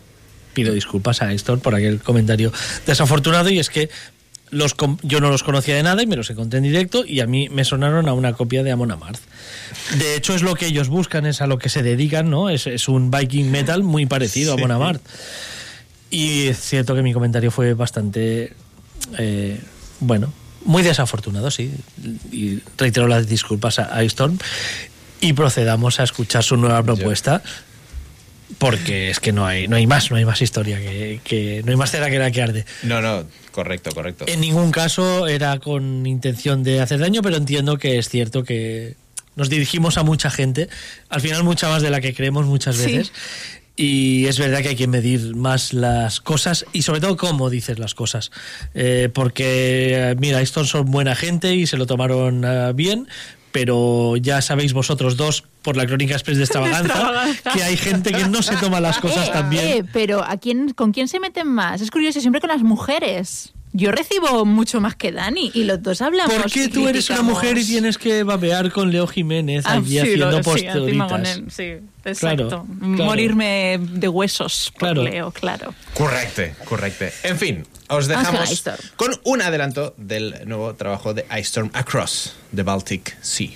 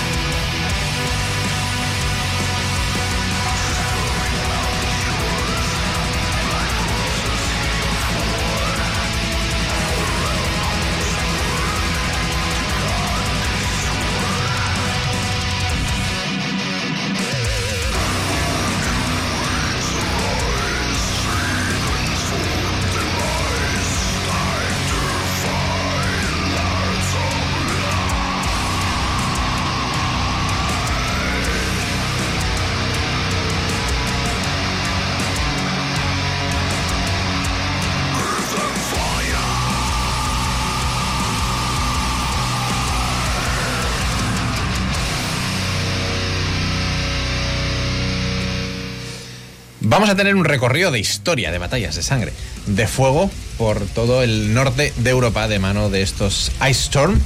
Amanda. Eh, nos están preguntando, y creo que es en serio, en nuestro grupo de Telegram, más de una persona, si no eran Amon Amarth. Eh, es que suenan así. Suenan Yo creo muy que na- Amon nadie, se puede sentir ofendido precisamente por... por De hecho, a mí, a mí. Amon Amarth hace bastantes discos que no me atraen nada. De hecho, el último disco de Amon Amarth creo que es casi insultante. El último disco de Amon Amarth me parece lo peor de largo que han hecho, pero eh, a mí me gustan mucho los primeros discos de Amon. Por ejemplo, si siguiera siendo una de mis bandas favoritas, me encantaría que una banda de aquí suene como, como Claro. una de mis bandas favoritas. O sea que al decir que a estos suenan a Amon Amarth, más que una crítica, es, es un elogio. Es que han conseguido sonar como, como una banda tan grande como Amon Amarth. Y sin haber escuchado este disco todavía, pero sí habiendo escuchado el último de Amon Amarth, apuesto lo que sea que es mejor este disco que el último de Amon Amarth. Sin duda. Porque es que el último de Amon Amarth no hay por dónde cogerlo, básicamente. A mí me encantan en disco y en directo cuando los vimos me fliparon también, así que... Eres de esos que se sientan a remar, porque yo voy a ir con unas botas como la de los Kiss la próxima vez que vea a Amon Amarth. No me siento, Para pasearme por la. No me, no me siento, no, no me siento. ¿Qué haces? ¿Qué haces? Levanta, hostia. Pues es como ya su sello. Ya lo han hecho su Sí, sí. sello a Mon Amarth. Lo de, lo de remar, Sí, me refiero. no, yo En cuanto vea que se sientan, monto un Wall of Death ahí espontáneo y vamos a ver. soy un tipo muy tranquilo en los conciertos. Sabéis además que en, en Ice Storm tenemos, como decía, a Mark Storm, cantante también de Dracum, o a, a Tempestat, al, eh, uno de los guitarristas de Siroll, Vicent Valtieri. Así que muy recomendables. Y em, imagino que en breve, ahora que saldrá el nuevo disco, pues imagino que en breve estará- tendremos fecha para poder disfrutar de ellos. Cuando la tengamos, la añadiremos a la Oh, respectiva sí. agenda de conciertos por si queréis disfrutar de ellos en directo, que como decimos, tienen una muy buena puesta en ¿Llevan en directo. Pues ya lo veremos, habrá que esperar, habrá que Falta esperar, ahí que- Tony, a ver que- si van Drakkar y van todos ataviados y como, Hombre, como quieran. Vamos. Tienen que vestirse con pieles, si no, no, no acepto. a sudar, ¿no? Como no hay suficiente con las luces y con Sí. moverse, porque aparte Mark, el cantante, se mueve un montón, Mm. es un frontman que se mueve muchísimo. Y, y da ese perfil vikingazo eh, Exacto, cuando lo tienes está fuerte, tiene portes, sí, Joder, sí, sí. Hombre, por eso estaba yo recogiendo cable, porque está fuerte. está fuerte, Mark. No quiero problemas con Mark. Estoy recogiendo cable aquí humildemente. no vaya a ser. En fin, vamos a cambiar de vikinguitos y para ello nos vamos a un sitio donde hace bastante más frío que el que está haciendo por aquí estos días. Desde luego. Eh, para ello nos vamos a Bergen, Noruega, a recuperar un disco, bueno, que yo disfruté bastante, que fue como una alegría, como un resurgir, entre comitas, de una banda como son Borgnagar. Quiero recuperar ese Winter Try, Tries, Tris, Winter ser Tris. Bueno, Winter. Tries. Eh, Winter Trice. Winter Trice, Winter Trice. En Eh, noruego se pronuncia Wintertrick. Ya está. No sé, a O, ver. o así. Espera que llamo a Simen y se lo pregunto. y que nos lo diga. Pues bueno, quiero recuperar más, más que nada este disco que vio la luz en 2016 porque... Bueno, mira, primero porque me apetecía, eso lo primero, y lo segundo porque recuerdo perfectamente cuando fue la noticia de que en un mismo single íbamos a tener como a los tres cantantes de Bornagar, es decir, Simen, a ICC Vortex, a Christopher Rick y a Wintersorg, eh, juntos cantando una canción y en un mismo disco y volviendo a trabajar juntos que vamos eh, son pues grandes cantantes grandes músicos también y pues siempre gusta de, de escuchar eh, genios juntos eh, haciendo co- cosas muy buenas. Recuerdo, Tony, que ese disco fue top del año nuestro, de cuando vio la luz en 2016, y de hecho el siguiente disco que vio la luz True en North. 2019, True North, también estuvo en el También top. estuvo en el top y, y siendo muy similares, un estilo bastante similares, yo creo que True North, estando muy bien, no llega a Winter Threes. Ya, es distinto. Yo creo que Winter Threes es, es, eh, top en el estilo y creo que Bornegar ahí casi tocaron techo. Pues vamos a recuperar este Winter Trees precisamente con la canción que les da nombre y donde cantan todos estos tres genios, todos juntos, estos vikingos y ositos también, porque Simen es un auténtico osito. Eh, pues eso, disfrutando de otro tipo de, de, mm, influencias vikingas. Vamos a, a dejarlo ahí. Vamos con Bornagar.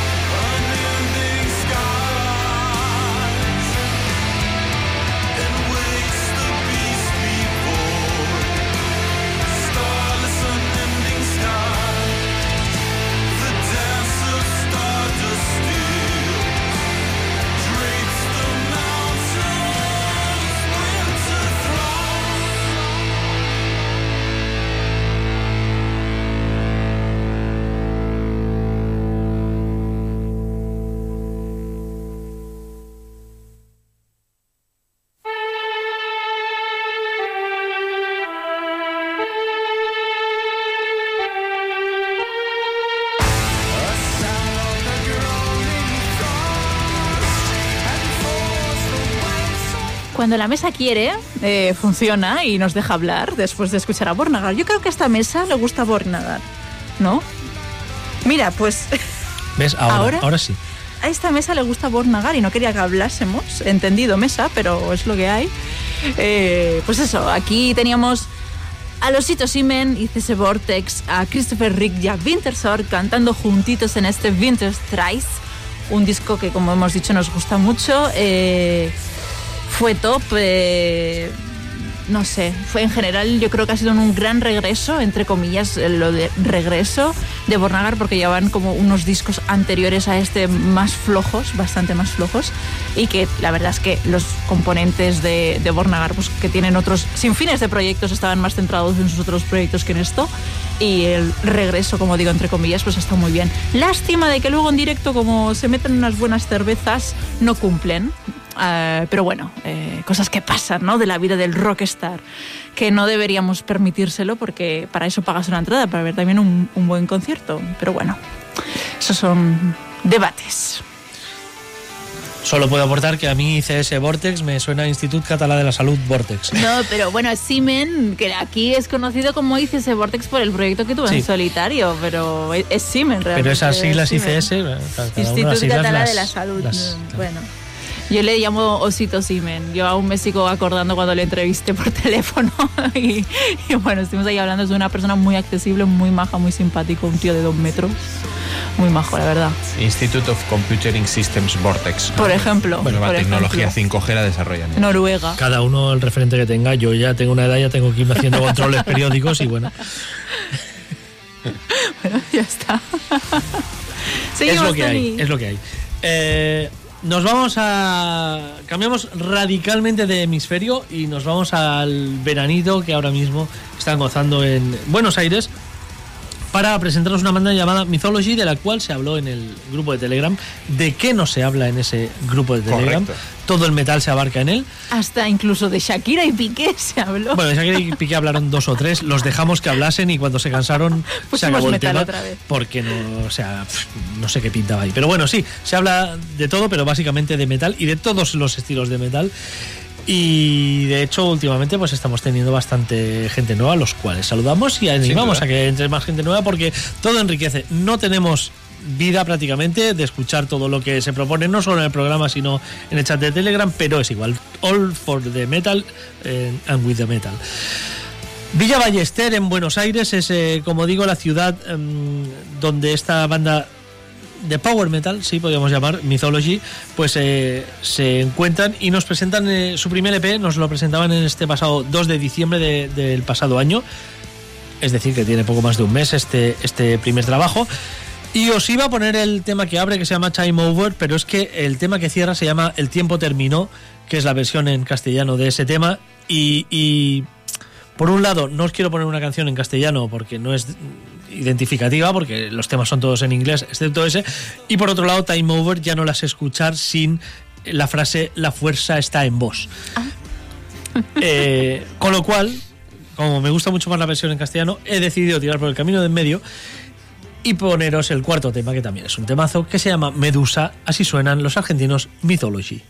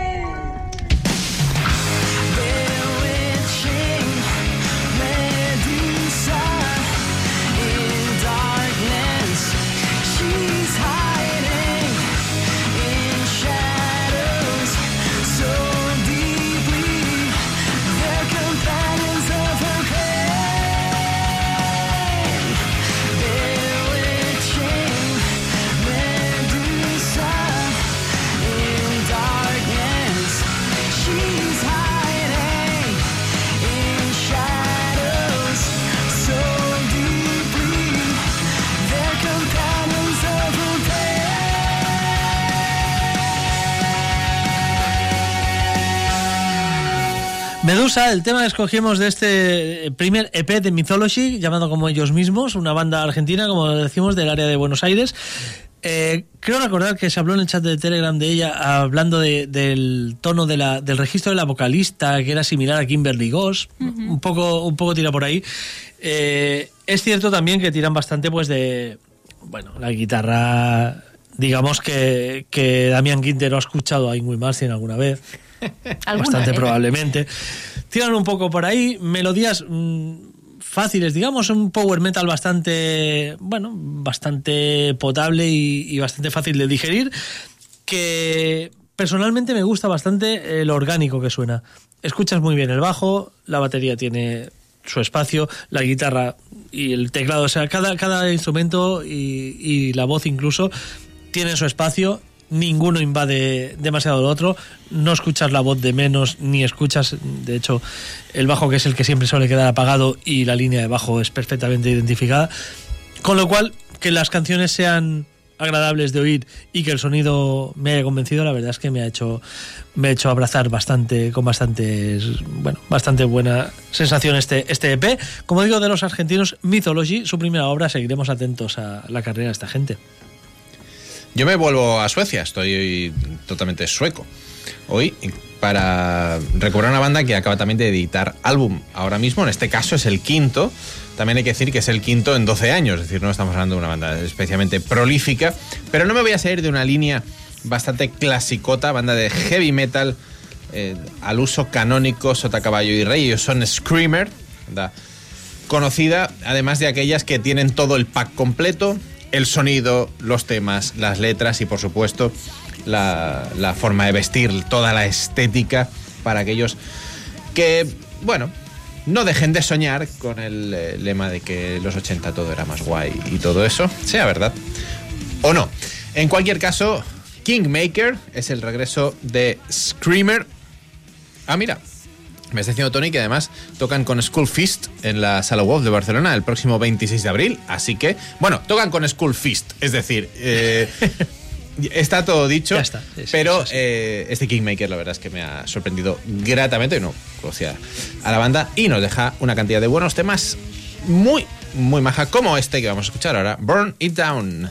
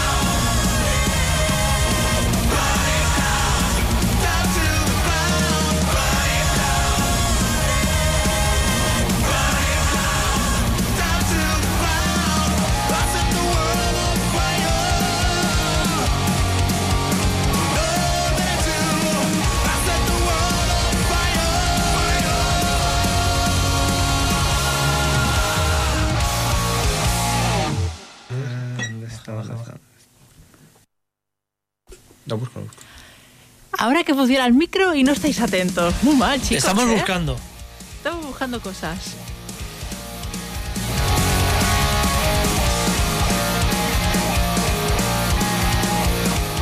Ya hemos encontrado. Estamos buscando entradas para ver a Skullfist con, Sil- con, con Screamer. Muy bien. Iba a decir Silver Fist.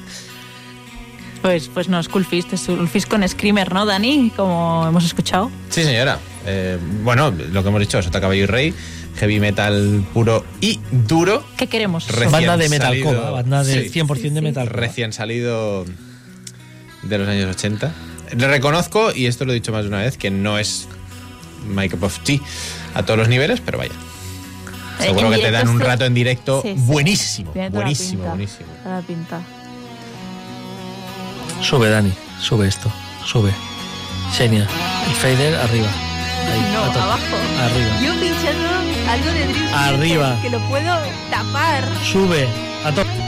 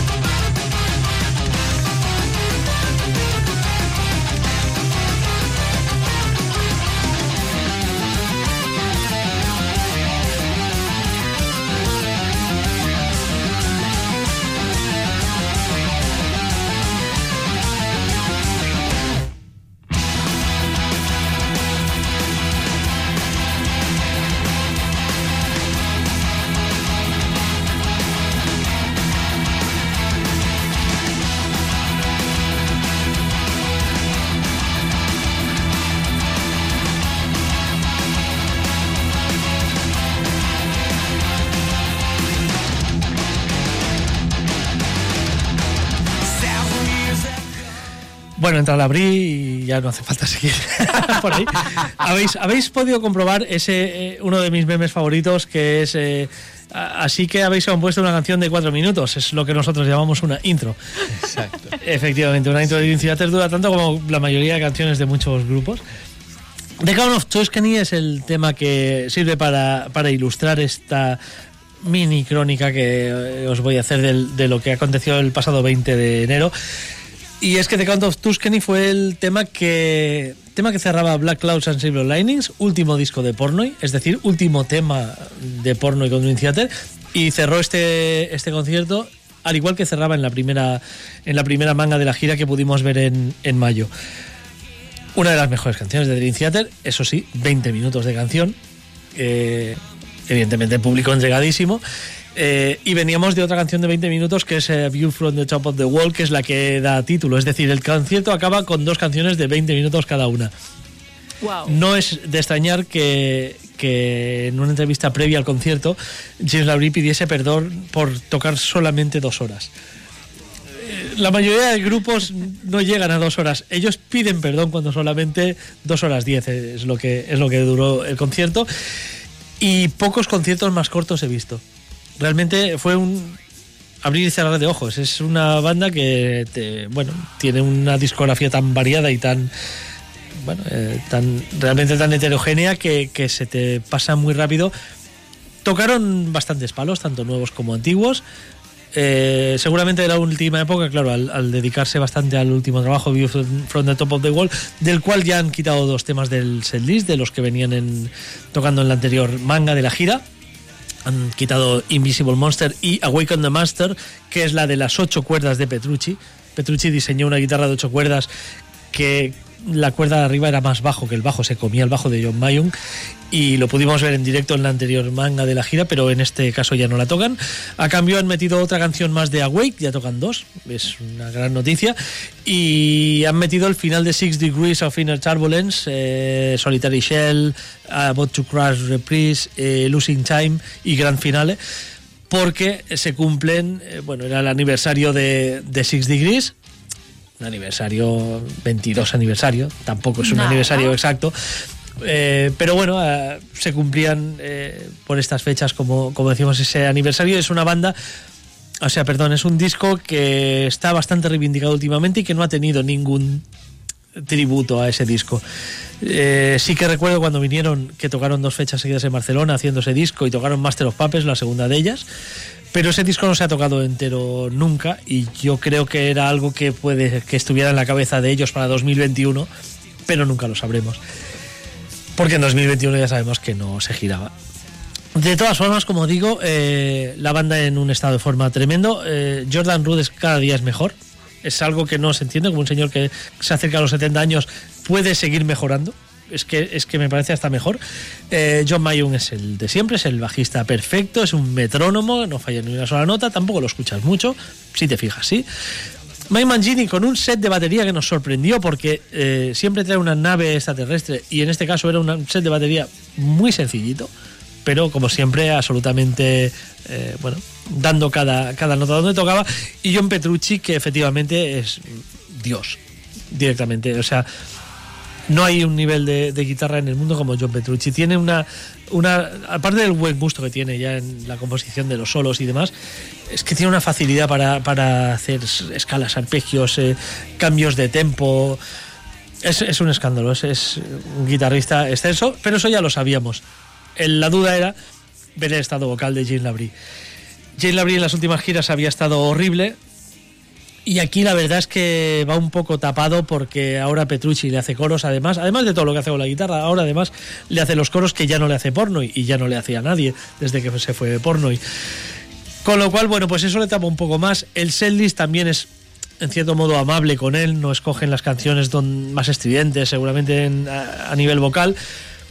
Si bien es cierto que muchas las sigue destrozando. Ese losing time del final de Six Degrees, yo lo esperaba eh, con muchas ansias, pero también con mucho miedo. Y efectivamente lo destrozó bastante. Defendió bastante bien Paul Meander. Seguramente porque han tocado un poquito el tono para que pueda llegar mejor, pero bueno, aún así, bueno, no fue el peor Labri que hemos visto en los últimos tiempos, ni mucho menos. Así que, bueno, más o menos pudimos disfrutar del concierto con él y no a pesar de él como, como suele ser habitual. Los teloneros Arion, una banda finlandesa de power metal, nadie entendió que pintaban en esa gira Arion, que están pintando en esa gira Arion. Yo los vi teloneando a Battle Beast. Es que en no, Raz 2.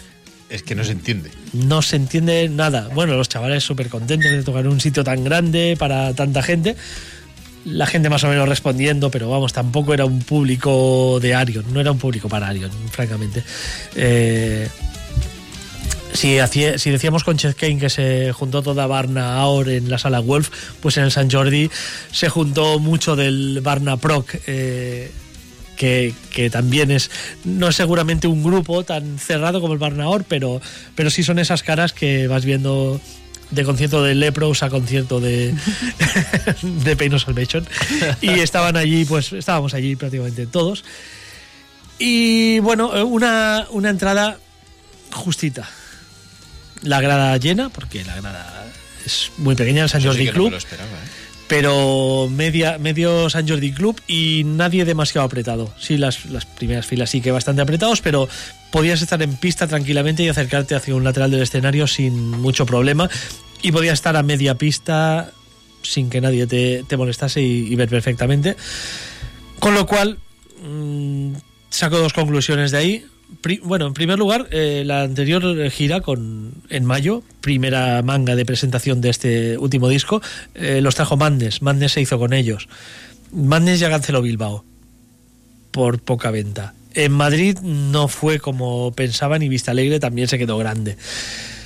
Ahora Revolution Shows, lo que era Astro Rock, lo que era Rock and Rock, ha vuelto a cogerlos y mm, han pinchado, han pinchado. La verdad es que en el mismo San Jordi Club los vimos haciendo la gira de Distance Over Time y había bastante más gente, la verdad. Y de aquí yo interpreto que o ya los hemos visto en Barcelona, no sé si va a pasar por aquí otra gira, o peor aún, los van a meter otra vez en Ramatazuno. Donde, o sea, es demasiado público para Ramatazuno, pero realmente ahora mismo es muy poco para, para un San Jordi Club. Y volvemos, Tony, perdón, a, a ese debate de que en Barcelona no hay una sala que cubra ese salto, ¿no? Correcto, no hay una sala que esté, pues eso, a los 2.000, 2.500 eh, de aforo, no, no existe ese, ese lugar. La única salida que, que creo que les puede volver a llevar un San Jordi Club es que hagan, pues como decía, pues como, como el Six Degrees si lo tocan entero, o se me ocurre que en 2025 es el 20 aniversario de Octavarium, si vienen a tocar Octavarium, que fue una gira que no pasó por, por aquí, pues que sí, podrían vender bastantes entradas, sí. pero Como el 20. Vein- eh, Mira, el- sí, sí, Sí, Dani. sí. Como el en 20. 2025 es el Somos 20 aniversario de. Octavarium, sí. Pero si recuerdo haber ido a talleres a comprar ese puto Sí. disco ayer. Bueno, pues eh, sí, correcto. Dentro de ahora mismo tiene 18 años ese disco y cuando, cuando haga los 20 yo espero que, que lo toquen porque la canción Octavarium, que posiblemente sea la mejor del Theater, no la hemos visto aquí nunca. Es una canción de, de 24 minutos además, tres octavarios. Y, y espero que sea eso porque es lo único que creo que puede ayudar a llevar gente. Porque si te hacen otro disco nuevo con canciones nuevas y hacen una gira presentando ese disco, yo creo que en Barcelona o no para o para en Raz, lo cual me preocupa bastante. Bueno, hasta cierto punto porque no tengo ningún problema, como ya he hecho muchas otras veces, en viajar a verlos a, donde haga falta. Eh, una de las, sensaciones que me llevé yo de este concierto, y es una cosa muy curiosa, es que yo últimamente, las últimas giras de Dream he ido a dos ciudades a verlos. La última fui a Madrid y, y Toulouse, la anterior había ido a Barcelona y Madrid, la anterior a Barcelona y Bilbao. Siempre me hago dos fechas. ¿Qué pasa? Que cuando acaba la primera de las dos fechas, estás con todo el subidón y dices, bueno, los veo mañana o pasado mañana o dentro de tres días. Y cuando los vuelves a ver, pues te quedas totalmente a gusto y tal. En esta ocasión los vi y cuando acabó el concierto me quedó el vacío de pensar cuántos meses o años faltan para que vuelva a verlos. Claro. Me faltó esa segunda fecha. Eh, No, no ha acabado la gira, quizá puede. No, no, la gira acaba de empezar. acabado? La gira Pues acaba de empezar. eso, mm, búscate algún otro lugar. para Pero ir. sí, sí, pues es, es una sensación que no, que no conocía y que fue, bueno, fue un poco de bajón el día siguiente pensar "Uf, cuántos meses quedan para volver a verlos. 17 veces ya con. Guau. Eh, y espero que sean unas cuantas más todavía. Pero lo dicho, eh, es una banda superlativa, evidentemente cuando eres muy fan de la banda, pues más todavía, pero ¿cómo? O sea, lo que yo pagaría por verlos con un cantante. Es que te iba a hacer dos apreciaciones a lo que acabas de comentar. En la primera, que eh, hace muchos años que escucho el octavo día, porque todos los títulos de los discos me los conozco y eso es por tu culpa, porque yo de Dream Theater sabes que no me gusta, así que me hago mayor como lo de Octavarium, Dani, sentirnos viejos. Y la segunda, en serio, Bestial. viendo que la abrí, eh, viendo por lo que tú comentas, que han modificado el setlist a algo que él está como más cómodo a nivel vocal y que tiene estos fallos.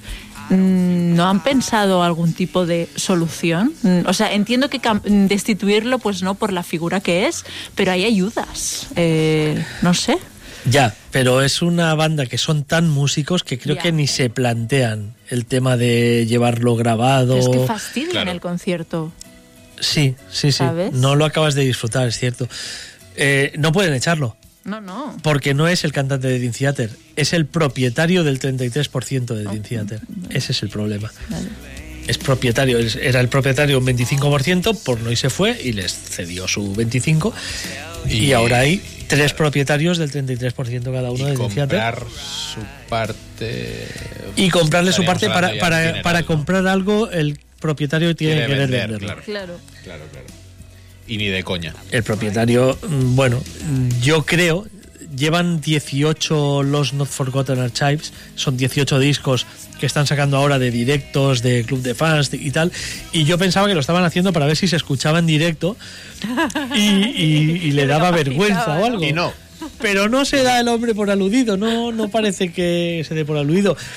Es verdad que es una voz muy particular, es verdad que en disco todavía funciona muy bien, porque en el último disco funciona muy bien su voz, pero no es menos cierto que hay cada bestia de cantante ahora que hay gente que sería capaz de mantener, evidentemente no imitarle, pero sí mantener eh, esos tonos y darle una dimensión, no sé, es que siempre vengo a lo mismo. Cuando vimos el Chatre Fortress de Mike Pornoy en el Biproc, el cantante era Ross Jennings, de Haken, y cantaron canciones de Dream Theater.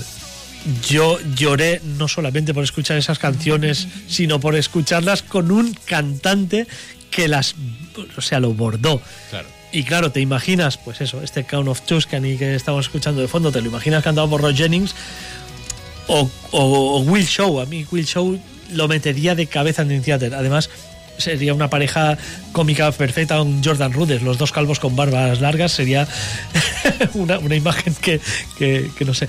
En fin, hay muchos cantantes que podrían dar la talla muy bien. Es que hemos escuchado mucha gente cantar muy bien canciones de Dream Theater. José Broseta de Opera Magna canta un Metropolis Park One, que es un escándalo también. Eh, hay un montón de cantantes buenos en todo el mundo como para tener que estar sufriendo, porque es que a veces sufres. Ves al abrir y sufres que ves que el pobre hombre no puede. Luego también es bastante soso, que tampoco es que digas es un frontman que te mueres. No. No sé. eh, no, no le veo fácil soluciones. El día que el abrí diga, mm, señores, me, no puedo más, me tengo que ir, o no sé. Pero no lo veo cerca tampoco ese día. Ya. Y no les veo por la labor de querer forzarlo. Igual es que ya tienen bastante claro que no va a haber manera de forzarlo. Por lo tanto, habrá que comer la. Mientras nos regale una voz competente en disco, todavía, pues bueno, aún podemos, supongo, seguirlo asumiendo. Yo ya lo tengo tan asumido cuando veo un concierto de Theater que voy seguramente a sufrir las voces, pero a ver un, un despliegue instrumental tan bestia que bueno, que, que supongo que te acostumbras, pero claro, sabe mal eso. Sabe mal que una gente con esa colección de canciones y con unas melodías vocales tan bestiales que vayan todas mal y cuando intenta hacer alguna te suelta algún gallo que... En fin, vamos a dejar de rajar ya de este pobre hombre porque tampoco vamos a solucionar nada. Eso fue de Theater eh, el pasado viernes. Os recomiendo muy mucho eh, que vayáis al próximo, sobre todo porque cada vez va menos gente y, y, Eh, y y yo creo que es culpa de la que BRIC. ir, ¿no? La Claro. gente tiene que ir. Claro, claro. La gente tiene que ir. Que si no vais, dejan de venir y obligáis a Tony a irse fuera a verlos también. Bueno, me voy a ir igualmente fuera a verlos. Correcto. Pero, pero tengo que irme dos veces en lugar de una. Exacto. Y- Bueno, pues pasamos la página de Xenia, y nos vamos con... Nos vamos a viajar en el tiempo a 1998 a una banda llamada Daemonarch banda, es decir, proyecto en solitario de Fernando Ribeiro de Moonspell, que dice, oye, quiero hacer aquí un proyecto en solitario, entre comillas, porque se rodea desde sus compis de Moonspell, básicamente, para plasmar... pues, ¿Es Shadows de sí, los 90? exacto, exacto. Pero en este caso, pues bueno, dice, yo voy a plasmar aquí mis poesías, mis cuentos de corte épico, ¿no? No, no porque luego posteriormente voy a editar un libro al respecto, uno o dos, sino porque le apetece.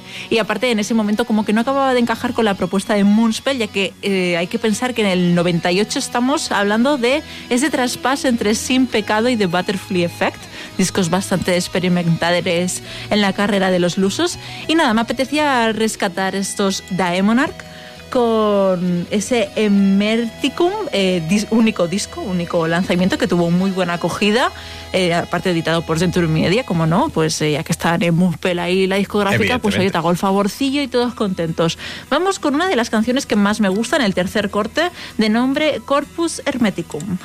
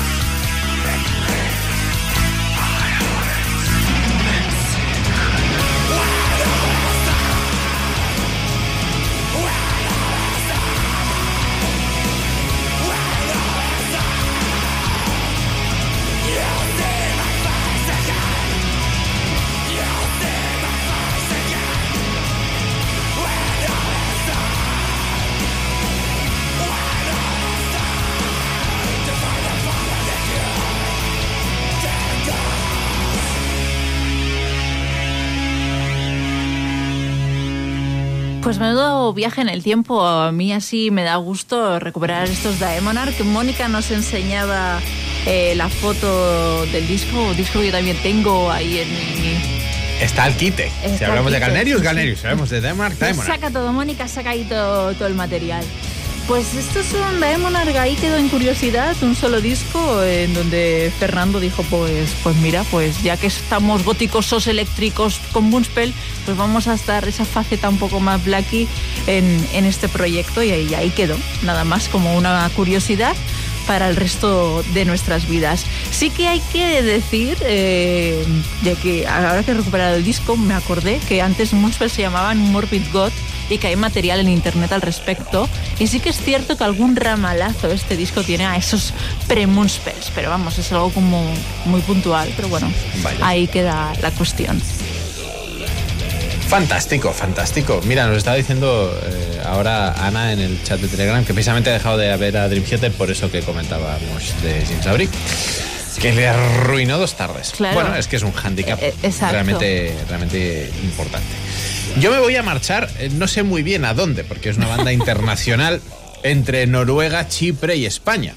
Y a es Chipre, que, va, que hoy no hemos ido a Chipre. bueno, están los tres. Están los tres ahí juntos. Uy, Están los tres juntos y, revueltos, una banda formada por Hussein Kirmizi, Jarte Boe y el propio Daniel Dabat, vocalista de aquí, que es el que nos ha hecho llegar este primer trabajo, la banda llamada Erendil, que a mí me toca ahí un poquito de, de cerca con este power metal sinfónico, discografía de momento, conformada por un EP titulado como la propia banda, Erendil, que apareció al final de 2022. No lo localizamos, seguramente porque siempre se cuelan cosillas de final de año, pero lo queremos recuperar y darle las gracias al propio Daniel, que es el que nos lo ha hecho llegar con el tema que lo cierra de estos ocho que lo conforman. Erendil suenan así, debutando también el octavo día con The Wanderer.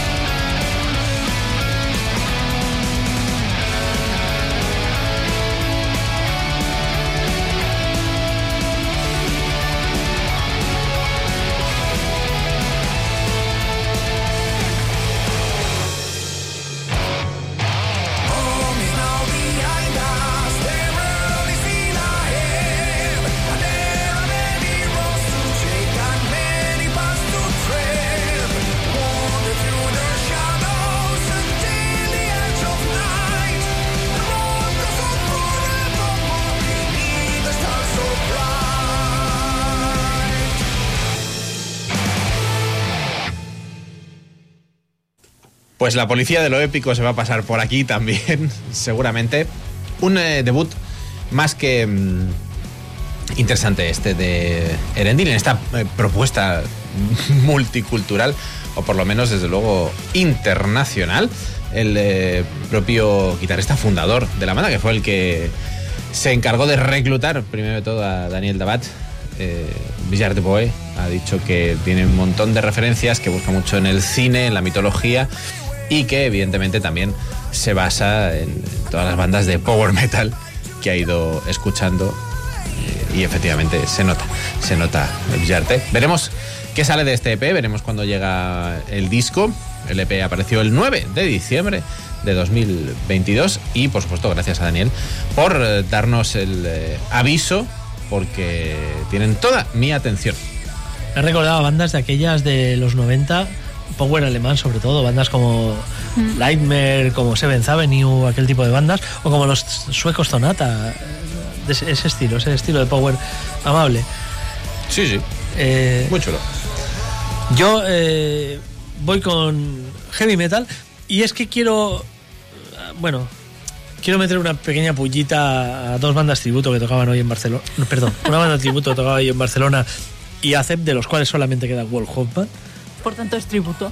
Hasta qué punto lo es y hasta qué punto no. Eh, bueno, Accept ha, protagonizado giras controvertidas, por ejemplo, cuando telonearon a Sabaton. Mucha gente, mucho heavy clásico, no entendió que una banda del nivel de Accept telonearan a, a una banda nueva como Sabaton, pero el mercado es el mercado. El tiempo pasa y si ahora mismo vende más una entrada de Sabaton que una de Accept, hay que asumirlo. La última vez que yo vi a Accept, eh, tocaron en Ramataz 1, telonean- telo- teloneados por los californianos Night Demon. Oh, mamá. Night Demon se comieron, esas tres personas en un escenario tan grande, se comieron, vamos, pusieron la sala patas arriba. No puedo decir que se comieran a Ace, porque evidentemente Ace tiene un, bueno, una amalgama de himnos espectaculares, pero claro, nos dejaron muy tocados a todos. ¿Qué ha pasado? Pues que Acep ha dicho la próxima gira no me llevo a una gente tan potente, me voy a llevar a un grupo tributo de señoras pechugonas que la gente pueda cantar los temas de Iron Maiden y mirarle las pechugas, porque de Iron Maidens juegan a eso. Visten así y hacen las canciones típicas de Maiden. Porque incluso puedo llegar a entender que hagas un tributo a Maiden haciendo canciones que Maiden no tocan. Pero hacer un tributo a Maiden para tocar The Trooper y of the Dark, francamente, yo no lo entiendo. O sea, hazlo con tus colegas para divertirte. Salir de gira con eso a mí me parece estafar a la gente. Bien, hace, han tomado ese camino, me parece muy bien. 42 euros por ver a un tributo y medio, porque hacen no lo considero tributo, pero están ahí en la línea. Paul Hoffman es el que sostiene el tema, me parece muy bien. Y toda esta mierda para deciros que Night Demon, la banda californiana, saca nuevo disco el próximo 17 de marzo, su tercer larga duración. Eh, cuando miras atrás, es una banda que solo tiene unos 10 años, poco más. Pero te, te parece que Night Demon tenga muchos discos. Lo estaba pensando, pero si Night Demon llevan tocando desde el 81. Sí, no, sí, llevan poco más de 10 años. Solamente tienen dos discos, como, como son el Curse of the Damned, que fue el primero, y Darkness Remains, de 2017. Y seis años después, en 2023, saldrá su tercer disco llamado Outsider. Es verdad que han sacado muchos singles, no han parado de sacar singles, por eso siempre están. Siempre los tienes presentes porque no paran de sacar. Es una manera de estar siempre en el candelero. Hemos hablado mucho ¿no? de la nueva manera de consumir y de producir música mm, seguramente estás sacando un single cada dos meses más en el candelero que si sacas un disco y a los tres años sacas otro. Como digo, en este caso llega el tercer trabajo, se llama Outsider y nos vamos a ir con el tema que le da título. Como digo, el próximo 17 de marzo verá la luz. Esto es Outsider, esto es Night Demon.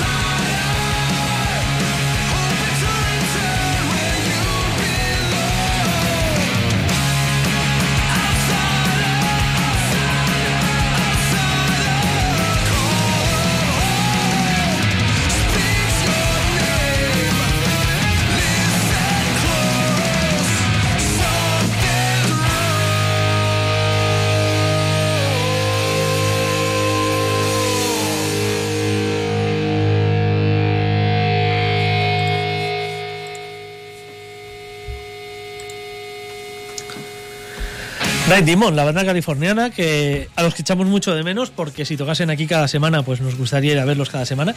Como digo, recuerdo Pero es recuerdo una casa. aquel aquel concierto con con ACEP fue brutal porque además todavía teníamos la añorada Rock Sound en pie y en cuanto acabaron el concierto con la misma entrada presentando la entrada del concierto de ACEP con Night Demon entrabas a Rock Sound donde tocaban Night Demon versiones y fue tan divertido. Eso, eso sí que es tocar versiones. O sea, hemos hecho nuestro concierto y ahora, como ya fin de fiesta, vamos a tocar canciones que os gusten a todos.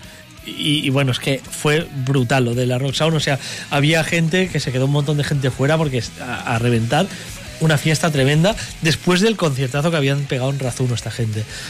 Eh, unos currantes del, del metal y. Estos sí que. Bueno, ¿eh? estos sí que viven. A estos les permites, Por la les música. permites que un día, cuando acaban el concierto, por gusto se vayan a tocarse unas versiones de sus temas favoritos con los colegas a la Rock Sound. Es que es- se lo permites porque son unos tíos que se lo ocurran, que hacen su música, te gustaba más o menos, pero en directo, tienen un directo tremendo. Y Outsider es su tercer larga duración que esperamos que vengan pronto a presentar. Y ahora nos vamos a acercar mucho, mucho, mucho de nuevo, eh, concretamente hasta Tarragona. Y es que, decíamos antes, que Daniel Dabat no Perdón, me sabía... comentan, perdón. que, me comentan que he quedado muy hater. Eh, aclaro que Accept es una de mis bandas favoritas de heavy metal de siempre. De siempre. Y uno de mis conciertos top de la historia es el Metal Way 2005, la despedida de Udo con Accept, que creo que pocas veces vas a ver un setlist mejor que aquel día. Lo cual creo que me da aún más autoridad para quejarme de la mierda que está haciendo Wolf Hoffman ahora mismo. No de la mierda musicalmente, porque Wolf es buenísimo y seguro que ha hecho un concierto de la hostia, no me cabe ninguna duda, pero la manera de llevar eh, el negocio, eh, creo que estoy en mi derecho a criticarlo. Adelante, Dani, perdón.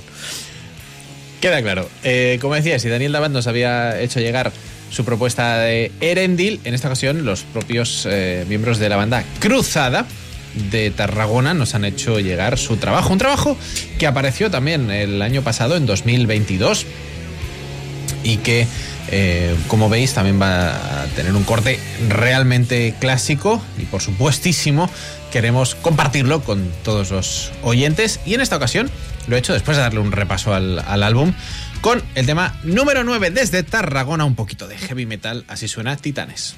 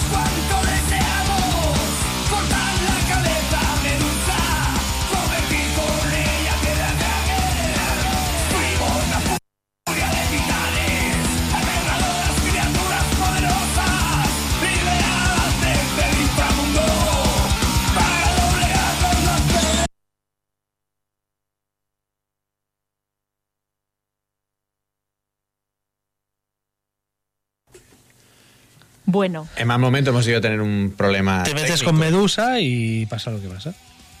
Vamos a ver si podemos acabar el tema. Le queda poquito, no sé, per- perdonad el problema técnico.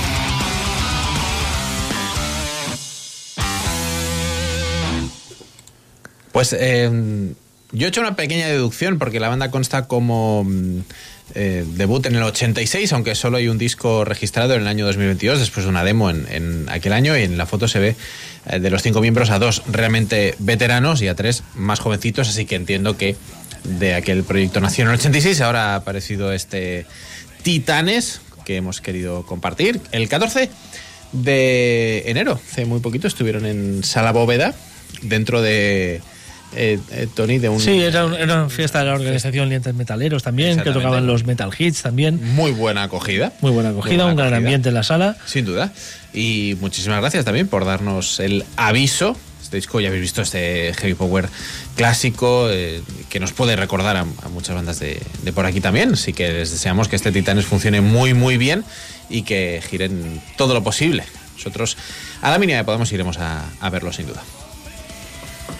Pues finali- finalizamos el programa de hoy a ritmo de Funeral Doom para fantástico. acabar Mucho ritmo, estu- mucho ritmo, ¿no? estupendamente. Y es que Ornamentos del Miedo, una banda que ya os presentamos en la anterior temporada, sí, han sacado un nuevo EP de nombre Frío, entonces eh, viene ideal. El nombre eh, del EP, la canción con la música, a mí me fliparon, los descubrí en el anterior EP. Este Frío también me ha gustado muchísimo, así que chicos, nos vamos a despedir a ritmo de Funeral Doom, que es idóneo para las despedidas. Eh, y nada, nos escuchamos y vemos la próxima semana. Sí, la próxima semana ya sabéis que estaremos también en Flashbot Apocalypse el viernes, en Vidras Vidras, con Back el sábado. También estaremos en las distintas redes sociales, que son Facebook arroba el octavo día 8, Twitter arroba el octavo día, Instagram arroba el octavo día 8, TikTok arroba el octavo día 8, YouTube arroba el octavo día 8, en el correo electrónico el octavo día arroba gmail.com, En todo. en las plataformas de streaming para que recuperéis los podcasts también. Correcto. Así que nada, nos despedimos a ritmo de Ornamentos del Miedo y la canción Vuelven los días. Hasta el próximo domingo.